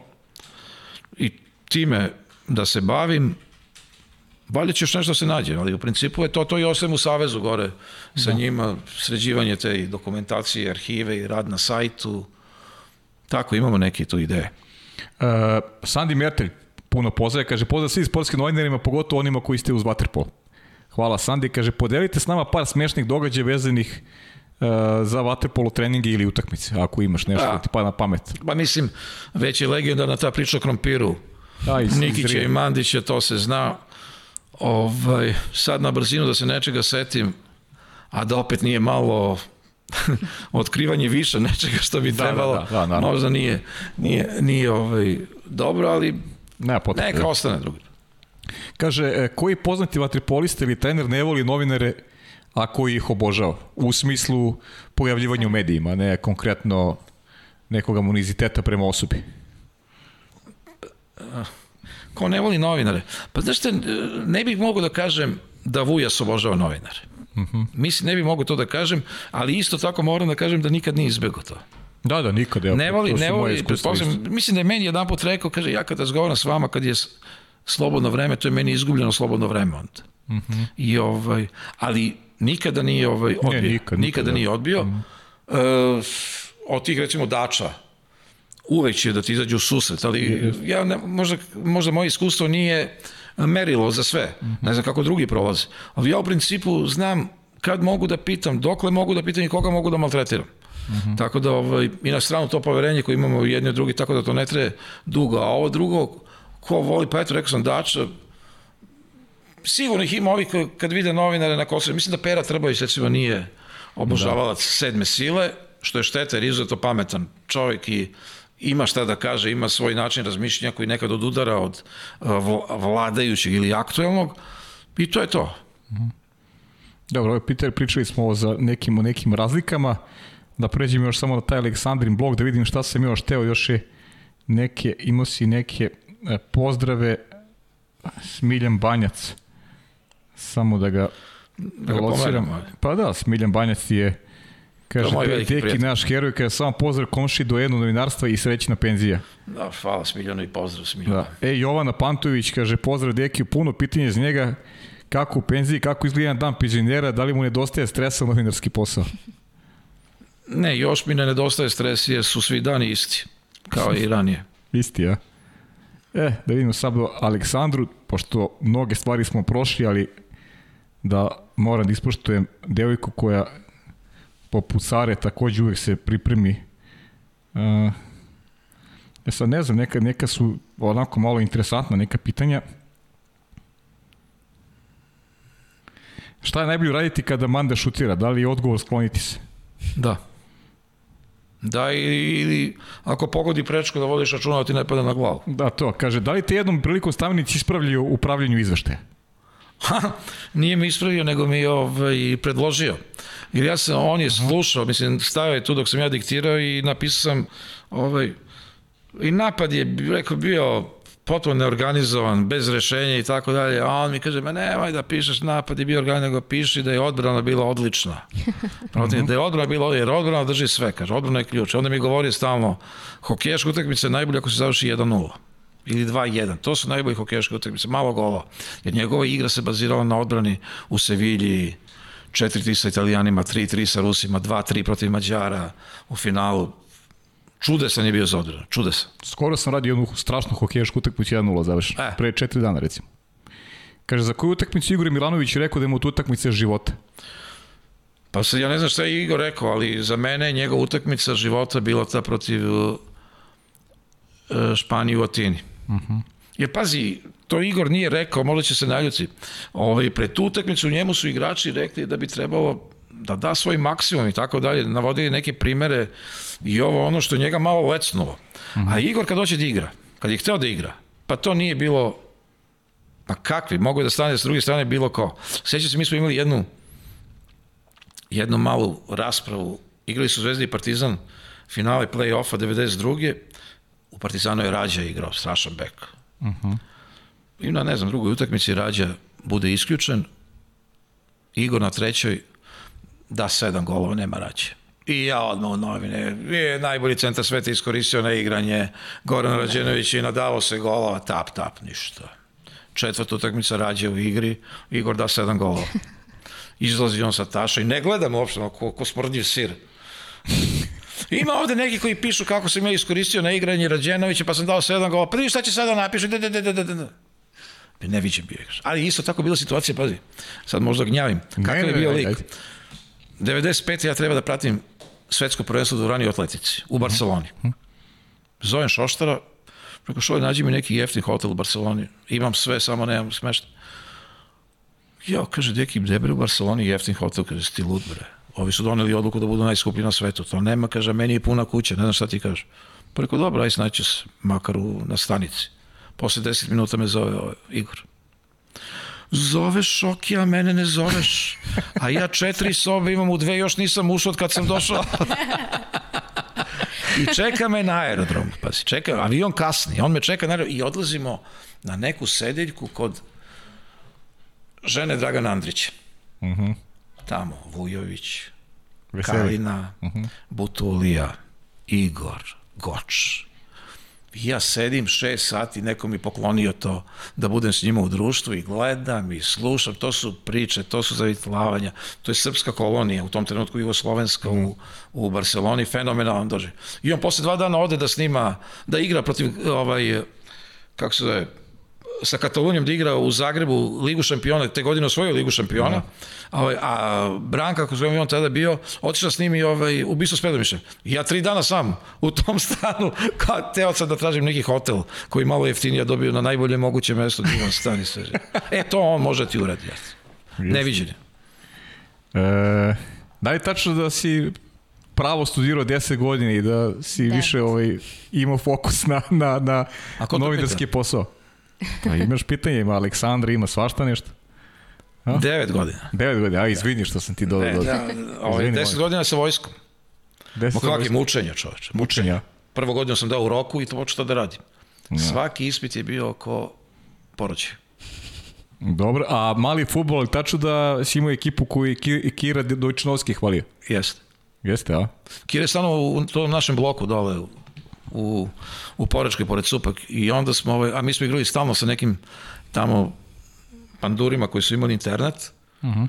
I onda smo njega stalno zvali. I on nije to ni da čuje. Onda je jednom došao i i pohvalio je celu ekipu, stvarno smo igrali dobro. Nikad se nije profesionalno bavio futbolom, ali smo na malim turnirima, na turnirima malog futbala znali daleko da doguramo. Uh, stoni tenis, košaka i to si malo Ja. se oprobao. Pa Kako košarku, Onako, onako, a stoni tenis sam igrao dobro. Ali sam, pazi, stoni tenis igrao sa Đokom Novkovićem, uh -huh. koji mi je rekao, e, ajde, ako pređeš dva, a ja ubeđen, ja ne znam da sam do jedan došao. A onda mi je rekao, više ovako ja igram sa Šurbekom. Ne dođem do dva. Jer Đoka igrao stvarno u nekim ligama hrvatskim. Ozbiljno uh -huh. stoni sam bio rekreativac, kaže. A da li je tačno da ti jedna od prvih rubika bila sa Ratkom Rudićem, koji je tad odlazio u Italiju? Pa, eh, to je, to je bio prvi događaj koji sam pratio. A ja sam teo da napravim rubriku, da dođem na aerodrom da napravim s njim razgovor, uh -huh. ali me on onako drugarski oladio. Nije taj njegov odlazak u Italiju bio onako simpatično prihvaćen u, u, ovaj, u našim krugovima. Da je tačno da si gledao da kad Šapić postiže gola da dvojice stoje na, na golu? Nisam gledao, sam čuo, ali to je bila egzibiciona utakmica uh -huh. gde su ovaj, italijani stavili dvojicu na go, a on je ovaj, da bi im pokazao šta je šutno, ja mislim po sredini i golčina je bila. E, evo sad idemo na pitanje, koja je po njemu najveća sudijska nepravda koja nam je nanet? Da li je to možda Pa, Ta Malaga koju si zagolicao malo. Malaga, da. Malaga. Mada mislim da je tu bili naše krivice, ali Malaga je. Imaš i isto tako veliku nepravdu u, u polufinalu Barcelone 2003. kad je Clemenceau neki tako sudio naše polufinale sa Italijanima, da su Savić i Šapić domili vremenski kazan na igranje, nisu mogli da izdrže da ne protestuju, a taj Clemenceau je posle dva meseca trebao da sudi Nišu. Len Kup otkazuje dolazak. A, da li istina da je na jednom meču Dejan Savić dao 27 golova? Jeste. Da li protiv Vojvodine ili protiv, protiv Proletera? Ne. Mislim da je bilo 52-0 da je on dao 27. E, viš nisam ga pitao ovde, viš Aleksandar to tebe pita. Da li je tačno Dejan Savić ima običaj kaže kraj na jeziku zemlje domaćinja, VG konec i u Yes. Japanu zaboravio da kaže ponesen emocije. Gde, u, u Tokiju? U Japanu zaboravio. Pa to da. ne znam da li je on rekao ili nije, ali, ovaj, ali ovo mu je štos. Znači on kad se završi utakmica, u Budimpešti je seo na pobedničko postolje, jer oni ne izgleda na pobedničko postolje, sedeo je možda desetinu sekundi i onda izašao napolje. Zapalio cigaru, uopšte nije gledao ništa drugo. E, tako je bilo i u kazanju, tako je bilo svuda. I onda kad dođeš u njega, kaže VG, dođeš u Rusiju, konjec, dođeš vamo, the end, i tako dalje. To, to mu je, i na odstup od toga, ko što ne skaču u bazen, Eto, to mu je što se. Ne znam, u Japanu, mislim da su u Japanu oni svi emotivno bili pukli, što se videli na aerodromu. Da, da, da. E, pitanje je kako si osjećao kada si dobio ovo? Vanja, možemo ovo da samo da pokažemo? Ovo nazovi Pa pazi da ti kažem, lično izdanje žurnala da. koje se radilo preko četiri meseca, recimo. Preko četiri meseca, znam iz pouzdanih izvora. I ovde ima preko 200 sagovornika, kako se ja dobro zapamtio, koji su se onako sa zadovoljstvom odazvali da kažu nešto o, o našem Dekiju i zaista je neverovatno, ne znam, nisam video ništa ovaj, slično, Da. moram priznati. Pa evo ja bih ja ću u jednoj rečenici da ti, da ti kažem, osio sam se verovatno kao kad prve Filip i društvo osvoje zlato u Riju i Tokiju, eto. Ništa bolje nije moglo da mi se desi u karijeri za sve ovo vreme, to su njih troje zaslužni, ali ono što mene strašno nervira da je to četiri meseca prolazilo pored mene, a da ja nemam pojma. I svi ti ljudi, tih 230 koji su čutali, znači, nisam verao da, da mogu da budu toliko ovaj, disciplinovani u toj svojoj nameri. Pa to su te te, dvoje, te tvoje tri medalje, neću kažem Da. dve medalje, nego Tri. tvoje tri medalje koje, Pa tri, da, koje dugo traju. koje dugo traju, da, koje dugo traju. Ja još jednom koristim priliku da im se zahvalim. Ove, I sa njima je priprema emisije bila onako Pa vidim. lagana. A, i si, si zadovoljan kako smo se pripremili ovaj, Pa mislim, preko svih očekivanja čak. To ću, preko svih to očekivanja. ću sad kući da im kažem. Da. Dobro, ovaj, Deki, i si, si zadovoljan? Prezadovoljno. Jesi, ja. Ili ima nešto što, što te Sara i ja nismo pitali, a ovaj, ovde ima neke pitanja koje se ponavljaju, tako da sam stao sa Aleksandrinim. Ovaj, ima nešto te nismo pitali, a ti bi volao da istakneš ovaj, da, da, Pa, da podeliš sa nama. mislim, dugo već pričamo da bi da bi mi sad koncentracija bila takva. Sigurno da uvijek ima nešto što, što nije rečeno, ali evo, možda bih podvukao tu, taj rad na tim zlatnim medaljama za sport klub kome, koje me zaokuplja poprilično, jer mislim da, da, da nedostaju knjige, da nedostaju filmovi, da nedostaju serije koje su posvećene našim sportistima, ne samo u Waterpolu, jer Srbija ima zaista ne samo Novaka i tako da, zaista ima velike sportiste koji zaslužuju posebne neke svoje e, medijske promocije kroz filmove, knjige, dokumentacije, kako god hoćeš i mislim da tu država treba da pomogne malo jače. Da li je to Ministarstvo kulture, Ministarstvo sporta, potpuno je nebitno. Ali ako sad ne bude neki film, lupamo Novaku, Mandićki, Ošpanovićki, vaterpolistima, Maji Ognjenović, odbojkarstvo, to će ostati brzo zaboravljamo. A to ne valja, živi se od danas do sutra, a činjenica da neko ima dve zlatne olimpijske medalje, nema puno ljudi u svetu koji mogu tim da se ponose. Pogotovo iz zemalja koji imaju 6-7 miliona stanovnika. E, bila bi nepravda da te ne pitam ovo još i evo, mislim, ja bi sad mogao ovako do sutra, zaista. Klubska scena. Bio si svedok koje kakve situacije, bio si svedok i toga da maltene ne postoji liga u Waterpolu, a da reprezentacija postiže uspehe. Sad se tu nešto menja na bolje.